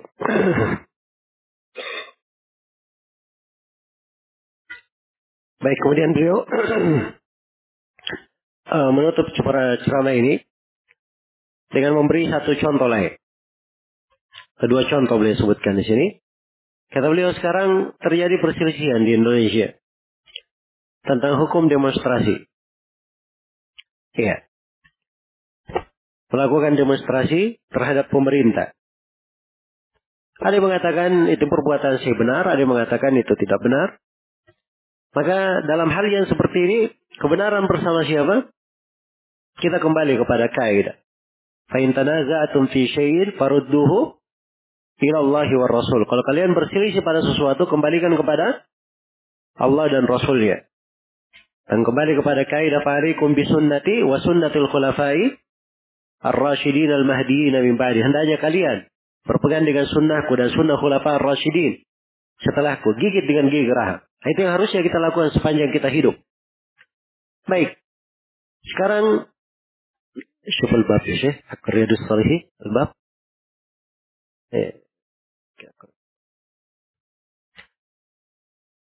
Sekarang ini orang-orang yang melakukan orang-orang yang melakukan demonstrasi, mereka katakan kita melakukan demonstrasi ini karena kita melihat misalnya pemimpin dia lebih mengutamakan kepentingan dirinya, melakukan begini dan begini. Atau di sudut lain mereka katakan kita melakukan kemungkaran karena banyak dari uh, rumah-rumah yang diminum di dalamnya minuman keras, kemungkaran-kemungkaran. Ya. Dan mungkin berbagai alasan mereka sebutkan. Sekarang kebenaran bersama siapa? Dalam perselisihan kebenaran itu harus selalu bersumber dari Al-Quran dan Rasulullah dari Al-Quran dan Sunnah Rasulullah Sallallahu Alaihi Wasallam. Sekarang dengar apa yang diucapkan oleh Nabi kalian. Nabi Muhammad Sallallahu Alaihi Wasallam. Kalau kalian benar kalian cinta kepadanya. Dan saya inginkan kepada seluruh hadirin untuk mencatat hadit-hadit ini. Dan menulis dari rujukan-rujukan di pembahasan yang seperti ini. Ada kitabul fitan dari Sahih Al-Bukhari. Kitabul Imarah dari Sahih Muslim. Bisa dibaca dari Syarah Usul Etiqat Ahli Sunnah wal Jamaah karya Lalakai. Yang disebutkan di dalamnya akidah-akidah para imam. Imam Ahmad, Imam Syafi'i dan selainnya. Dan rujukan yang paling dekatnya adalah kitab yang kita sangat kenal. Yaitu kitab Riyadus Salihin. Karya siapa? Imam Nawawi. Di kitab Riyadus Salihin, karya Imam Nawawi di bab yang ke-80. Imam Nawawi memberi, memberi judul Babu wujubi ta'ati ulati al-amr fi ghairi ma'siyah wa tahrimihim ta'atahum fil ma'siyah. Bab kewajiban taat kepada pemerintah pada selain maksiat. Dan haramnya taat kepada mereka dalam hal yang maksiat. Iya. Maka Imam Nawawi rahimahullahu taala membawakan beberapa hadis di dalam bab ini. Dan di sini saya hanya ingin membacakan dua hadis saja. Saya ingin membacakan dua hadis saja dari Riyadus Salihin ini. Nah, Imam Nawawi rahimahullahu taala menyampaikan hadis-hadis ini. Dia ada kaitannya dengan urusan demo-demo? Ada maslahat dalam hal itu? Tidak. Di semata dia sampaikan hal yang terkait dengan agama. Dan demikian seorang muslim dan muslimah apabila sampai kepadanya sabda Nabi sallallahu alaihi wasallam kaidahnya sami'na wa ata'na. Kami dengar dan kami kami taat. Sebagaimana firman Allah Subhanahu wa taala fala wa rabbika la yu'minun hatta yuhaqqimuka fima shajara bainahum thumma la yajidu fi anfusihim harajan mimma qadait wa yusallimu taslima. Tidak demi Rabbmu mereka itu tidak beriman. Sampai mereka menjadikan engkau Nabi Muhammad sebagai hakim antara sebagai penengah antara mereka pada apa yang mereka berselisih di dalamnya kemudian mereka menerima keputusanmu dan berserah diri dengan sebenar-benar perserahan diri. Di dalam Riyadhus Salihin, Imam Nawawi rahimahullah menyebutkan hadis Abdullah bin Mas'ud. Tepatnya pada nomor 675. Bisa dilihat di nomor 675. Dari Abdullah bin Mas'ud radhiyallahu taala anhu, Rasulullah sallallahu alaihi wasallam bersabda, "Innaha satakunu ba'di athara wa umurun tungkirunaha." Sungguhnya akan terjadi setelahku asarah. Asarah itu adalah pemimpin atau bentuk dari mementingkan diri sendiri, mementingkan kepentingannya pribadi. Iya. Dan terjadi hal-hal yang kalian ingkari. Mungkin dia melihat berbagai minuman keras di mana-mana, kemungkaran-kemungkaran. Dan kemungkaran itu tidak ada batasan tertentu dari Nabi Shallallahu Alaihi Wasallam, kalian melihat kemungkaran-kemungkaran. Kecuali di sabda beliau, di hadis yang lain, beliau berkata, malam tarau kufran bawahan. Sepanjang kalian tidak melihat kekafiran yang nyata. Maka para sahabat berkata, Ya Rasulullah, Kaifa ta'muru man adraka minna dalik? Apa perintah engkau terhadap kami kalau mendapati hal yang seperti itu? Kala, maka Nabi Shallallahu Alaihi Wasallam menjawab, tu'addun al-haqqa alladhi alaikum wa tas'aluna Allah alladhi lakum. Kalian menunaikan hak yang merupakan kewajiban atas kalian. Adapun hak kalian, mintalah kepada Allah. Dari hadis riwayat kata Imam Nawawi muttafaqun alaih. Hadis riwayat Bukhari dan Muslim. Apakah Nabi katakan kalau kalian dapat pemerintah seperti itu, lakukan demonstrasi? Tidak. Baik, hadis yang kedua. Mungkin ada yang bertanya dari hadis ini. Baik, kita tidak boleh melakukan demonstrasi. Sampai kapan? Tidak boleh melakukannya. Sampai kapan kita terus bersabar? Iya. Maka itu telah dijawab oleh Anas bin Malik radhiyallahu taala anhu di kitab di Kitabil Fitan dari Sahih Al Bukhari.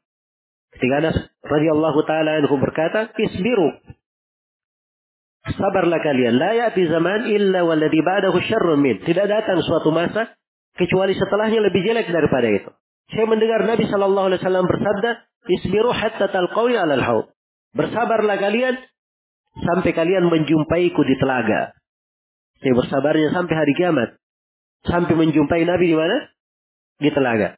Hadis yang kedua yang dibawakan oleh Imam An-Nawawi rahimahullahu taala di sini di nomor 674. Salam bin Yazid al-Ju'fi bertanya kepada Rasulullah sallallahu alaihi wasallam. Dia berkata, "Ya Nabi Allah, wahai Nabi Allah, araita in qamat alaina umara yas'alunana haqqahum wa yamna'unana haqqana, fama ta'muruna?" Dia bertanya, "Ya Nabi Allah, bagaimana pendapatmu kalau memimpin di tengah kami pemimpin-pemimpin? Hak mereka mereka minta, tapi hak kami mereka tahan." Mungkin kalau dia perlu sesuatu sakit, dia bisa dapat. Ya, dari apa yang dia perlukan. Tapi kalau kami sakit, kami dapat kabar tidak bisa. Atau kami ingin belajar, dia bisa menyekolahkan anaknya ke mana saja. Tapi itu ditahan terhadap kami. Misalnya contoh-contoh yang seperti itu. Apabila terjadi apa perintah kamu kepada kepada kami? Apa perintahmu ya Rasulullah kepada kami? Fa'arada. Maka Nabi berpaling. Summa sa'alahu. Kemudian Salama bertanya lagi kepada Nabi. Faqala Rasulullah sallallahu alaihi wasallam. Maka Rasulullah sallallahu alaihi wasallam bersabda, "Isma'u wa ati'u, fa inna ma 'alaihim ma hummilu wa 'alaikum ma hummiltum." Kata beliau, dengar dan taatlah kalian. Atas mereka tanggung jawab terhadap kewajiban mereka masing yang dipikul oleh mereka sendiri di atas kalian kewajiban yang kalian pikul sendiri. Iya. Dan ini hadis diriwayatkan oleh Imam Muslim. Perhatikan, apakah Nabi berkata lakukan demonstrasi? Tidak, saya beliau katakan dengar dan taat. Dengar dan taatlah.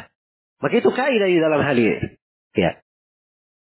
Sekarang bayangkan kalau misalnya ada yang melakukan demonstrasi, terjadi demonstrasi, kemudian Nabi Shallallahu Alaihi Wasallam datang, lalu berkata kembali kalian tidak boleh melakukan hal tersebut. Saya ingin bertanya apakah kita menaati Nabi atau tidak? Hah? Pasti akan menaatinya. Terus apa bedanya dengan membaca hadis Rasulullah Sallallahu Alaihi Wasallam? Ini hadis Nabi dan itu ucapan Nabi. Hanya saja sudut perbedaannya. Kalau Nabi langsung yang berbicara, mata kita akan sejuk dengan melihat Nabi Shallallahu Alaihi Wasallam secara langsung.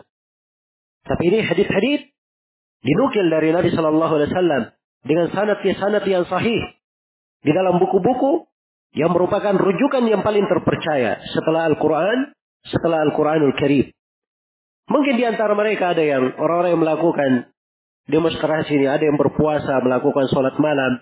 Mungkin di antara mereka ada yang memendekkan kainnya tidak isbal, yang punya jenggot yang panjang. Tapi apabila datang kepadanya hadis-hadis tentang mendengar dan taat kepada pemimpin, maka mereka tidak menerima hadis-hadis Rasulullah sallallahu alaihi wasallam. Maka ini bukan sikap seorang muslim. Ini sifat hanya datang dari orang-orang Yahudi yang dicelai dalam Al-Quran. Apa tu'minuna bi ba'dil kitab wa takfuruna bi ba'd? Apakah kalian beriman terhadap sebagian dari Al-Quran dan kalian kafir terhadap sebagian yang lainnya? Para sahabat, mereka menukil hadis-hadis Rasulullah semuanya. Dalam hal ini dan selain hal ini. Maka seorang muslim, dia hendaknya seperti yang dikatakan di dalam Al-Quran, Ya ayuhalladzina amanu, udukhulu fisilmi kafah. Wahai orang-orang yang beriman, masuklah kalian ke dalam Islam secara sempurna. Kemudian yang kedua, contoh yang kedua. Mungkin kita melihat sebagian orang yang naik ke atas mimbar atau di tempat umum. Kemudian dia merekam dirinya, membuat potongan-potongan video Kemudian dia berkata bahwa pemerintah berbuat begini, berlaku begini. Ya. Dan sebagiannya melakukan berbagai tindakan-tindakan untuk mengingkarinya. Mungkin sebagiannya ada yang mau meledakkan dirinya. Ya, kemudian membuat dari hal-hal yang dengannya dianggap bisa mengingkari kemungkaran. Yang mana yang benar di dalam hal ini? Kembali kepada kaidahnya. Apa tuntunan Nabi di dalam hal ini? Rasulullah sallallahu alaihi wasallam bersabda, "Man indahu nasihatul lidhi sultan fala yubdiha alaniya." Siapa yang punya nasihat untuk pemerintah, jangan dia sampaikan secara terang-terangan. Tapi dia pegang tangan pemerintah itu. Dia nasihati secara sir, secara rahasia. Kalau diterima darinya, itu yang diinginkan. Kalau tidak diterima, fakadat dan dari alaihi. Maka dia sudah tunaikan tanggung jawabnya. Iya, maka ini Wejangan Nabi Shallallahu Alaihi Wasallam. Karena itu tidak boleh terhadap saya, tidak boleh pula terhadap kalian membuat rekaman-rekaman, video-video, kemudian mengingkari pemerintah terang-terangan. Tapi caranya adalah menasihatinya secara langsung. Menasihatinya secara langsung. Nasihat itu ada kaifiatnya, ada caranya. Iya. Kita tidak tidak membenarkan kemungkaran yang dia lakukan, tapi untuk mengingkari kemungkaran harus ada cara dan kaifiatnya. Sebagaimana sholat ada caranya, puasa ada caranya, haji ada caranya, semuanya ada kaifiatnya. Dan ini yang diterangkan oleh Rasulullah Sallallahu Alaihi Wasallam. Karena itu saya ingatkan kepada seluruhnya bahwa tanggung jawab memelihara keamanan itu tanggung jawab bersama, bukan tanggung jawab pemerintah saja atau tanggung jawab aparat keamanan saja. Tetapi itu adalah tanggung jawab bersama. Kita semua harus berdiri tegak untuk menghalau orang-orang yang ingin berbuat kerusakan ingin berbuat kerusakan di negeri ini. Karena itulah seorang memiliki lahan kebaikan. Dia bisa menulis di HP-nya, menulis status di WA-nya atau di Facebook-nya tentang haramnya mudahara. Dia tulis hadis-hadis yang telah kita sampaikan ini. Berasal dari buku-buku yang terpercaya ini. Dia sampaikan kepada manusia, kepada tangganya, orang yang dekat. Sehingga mereka di atas ilmu. Ya, di atas ilmu. Ya, kadang sebagian manusia, kadang jenggotnya panjang, ya, penampilannya bagus, tetapi kalau disampaikan hadis-hadis yang seperti ini, maka dia membuangnya ke tembok, tidak menerimanya. Tidak menerimanya. Padahal ini hadis-hadis berasal dari buku-buku yang terpercaya. Berasal di dalam dari Sahih Al-Bukhari, Sahih Muslim. Di buku-buku yang merupakan rujukan umat Islam. Hajjat bin Yusuf. Dengan kezalimannya yang dikenal. Bersamaan dengan itu, Umar bin, Umar bin Abdul Aziz, Anas bin Malik radhiyallahu taala anhu dan selainnya dari para sahabat Rasulullah sallallahu alaihi wasallam, mereka tidak ada yang melakukan kudeta terhadapnya. Bahkan mereka memerintah manusia untuk mendengar dan memerintah orang-orang untuk taat di dalam hal-hal yang merupakan apa? Merupakan dalam hal-hal yang merupakan ketaatan bukan maksiat kepada Allah Subhanahu wa taala. Kemudian di akhir sini saya bermohon kepada Allah Subhanahu wa taala supaya Allah Subhanahu wa taala menjaga kita semua dengan penjagaannya dan selalu menjaga kita semua di negeri ini. Dan demi Allah ini negeri negeri Indonesia adalah negeri yang memuat kaum muslimin terbanyak di dunia. Maka menjaga keamanannya itu adalah tanggung jawab kita bersama. Untuk negeri dan negeri yang lain itu adalah tanggung jawab atas setiap muslim dan muslimah. Apabila terjadi kekacauan di dalam negeri ini, maka Akibat dari kejelekannya itu mungkin akan masuk di tengah-tengah kita. Masuk di rumah-rumah kita. Akan menimpa anak-anak dan istri kita. Mungkin kita tidak bisa merasakan lagi. Bagaimana nikmatnya seperti sekarang ini. Duduk di masjid. Belajar. Orang melakukan sholat. Tidak ada yang menahannya. Tidak ada yang mencegahnya untuk melakukan ceramah. Tapi mungkin ketika terjadi dari hal-hal yang merusak keamanan akan hilang seluruh hal tersebut. Karena itu kita berdoa. Berdoa kepada Allah subhanahu wa ta'ala untuk pemimpin negeri ini agar supaya diberi taufik oleh Allah Subhanahu wa taala dan diberi kelurusan serta diberi pendamping yang salih yang mengajaknya kepada kebaikan. Betul kita tidak membiarkan kalau ada kekeliruan, tetapi apabila menasihati tempuh cara yang diajarkan oleh Nabi Shallallahu Alaihi Wasallam di dalam menasihati. Dan saya juga bermohon kepada Allah semoga Allah menjaga antum semuanya dengan penjaganya dan selalu mengukuhkan, melanggengkan untuk kita semua nikmat-nikmatnya dan semoga Allah subhanahu wa ta'ala memberi taufik kepada kita semua pada hal yang Allah cintai dan Allah ridhai. Kemudian saya juga selalu mengingatkan bahwa kalian semua adalah orang yang paling pertama yang harusnya bertanggung jawab terhadap keamanan di dalam negeri ini. Ya. Dan saya tutup dengan mengingatkan bahwa pembahasan seputar mengikuti Nabi Shallallahu Alaihi Wasallam itu berputar antara sikap mengikuti hawa nafsu atau mengikuti perasaan dan sikap sesuai dengan contoh dan petunjuk Nabi Shallallahu Alaihi Wasallam. Dan seorang mukmin itu sebagaimana di dalam kaidahnya fa'in tanaza'tum fi syai' farudduhu ila Allahi wa Rasul. Apabila kalian berselisih pada sesuatu maka hendaknya kalian kembalikan kepada Allah dan Rasulnya. Semoga Allah Subhanahu wa taala selalu menjaga kita semua dan memberikan dan memberikan perlindungan serta penjagaan untuk kita semua di segala keadaan dan salawat semoga tercurah untuk Nabi kita Nabi Muhammad Sallallahu Alaihi Wasallam dan dengan ini berakhir dari ceramah beliau. Mudah-mudahan apa yang kita dengarkan di pertemuan di malam hari ini bermanfaat untuk semuanya dan membawa kebaikan untuk kita semua. Wallahu taala alam. Subhanakallahumma wa bihamdik asyhadu an la ilaha illa anta astaghfiruka wa atubu ilaik. Walhamdulillahirabbil alamin. Wassalamualaikum warahmatullahi wabarakatuh.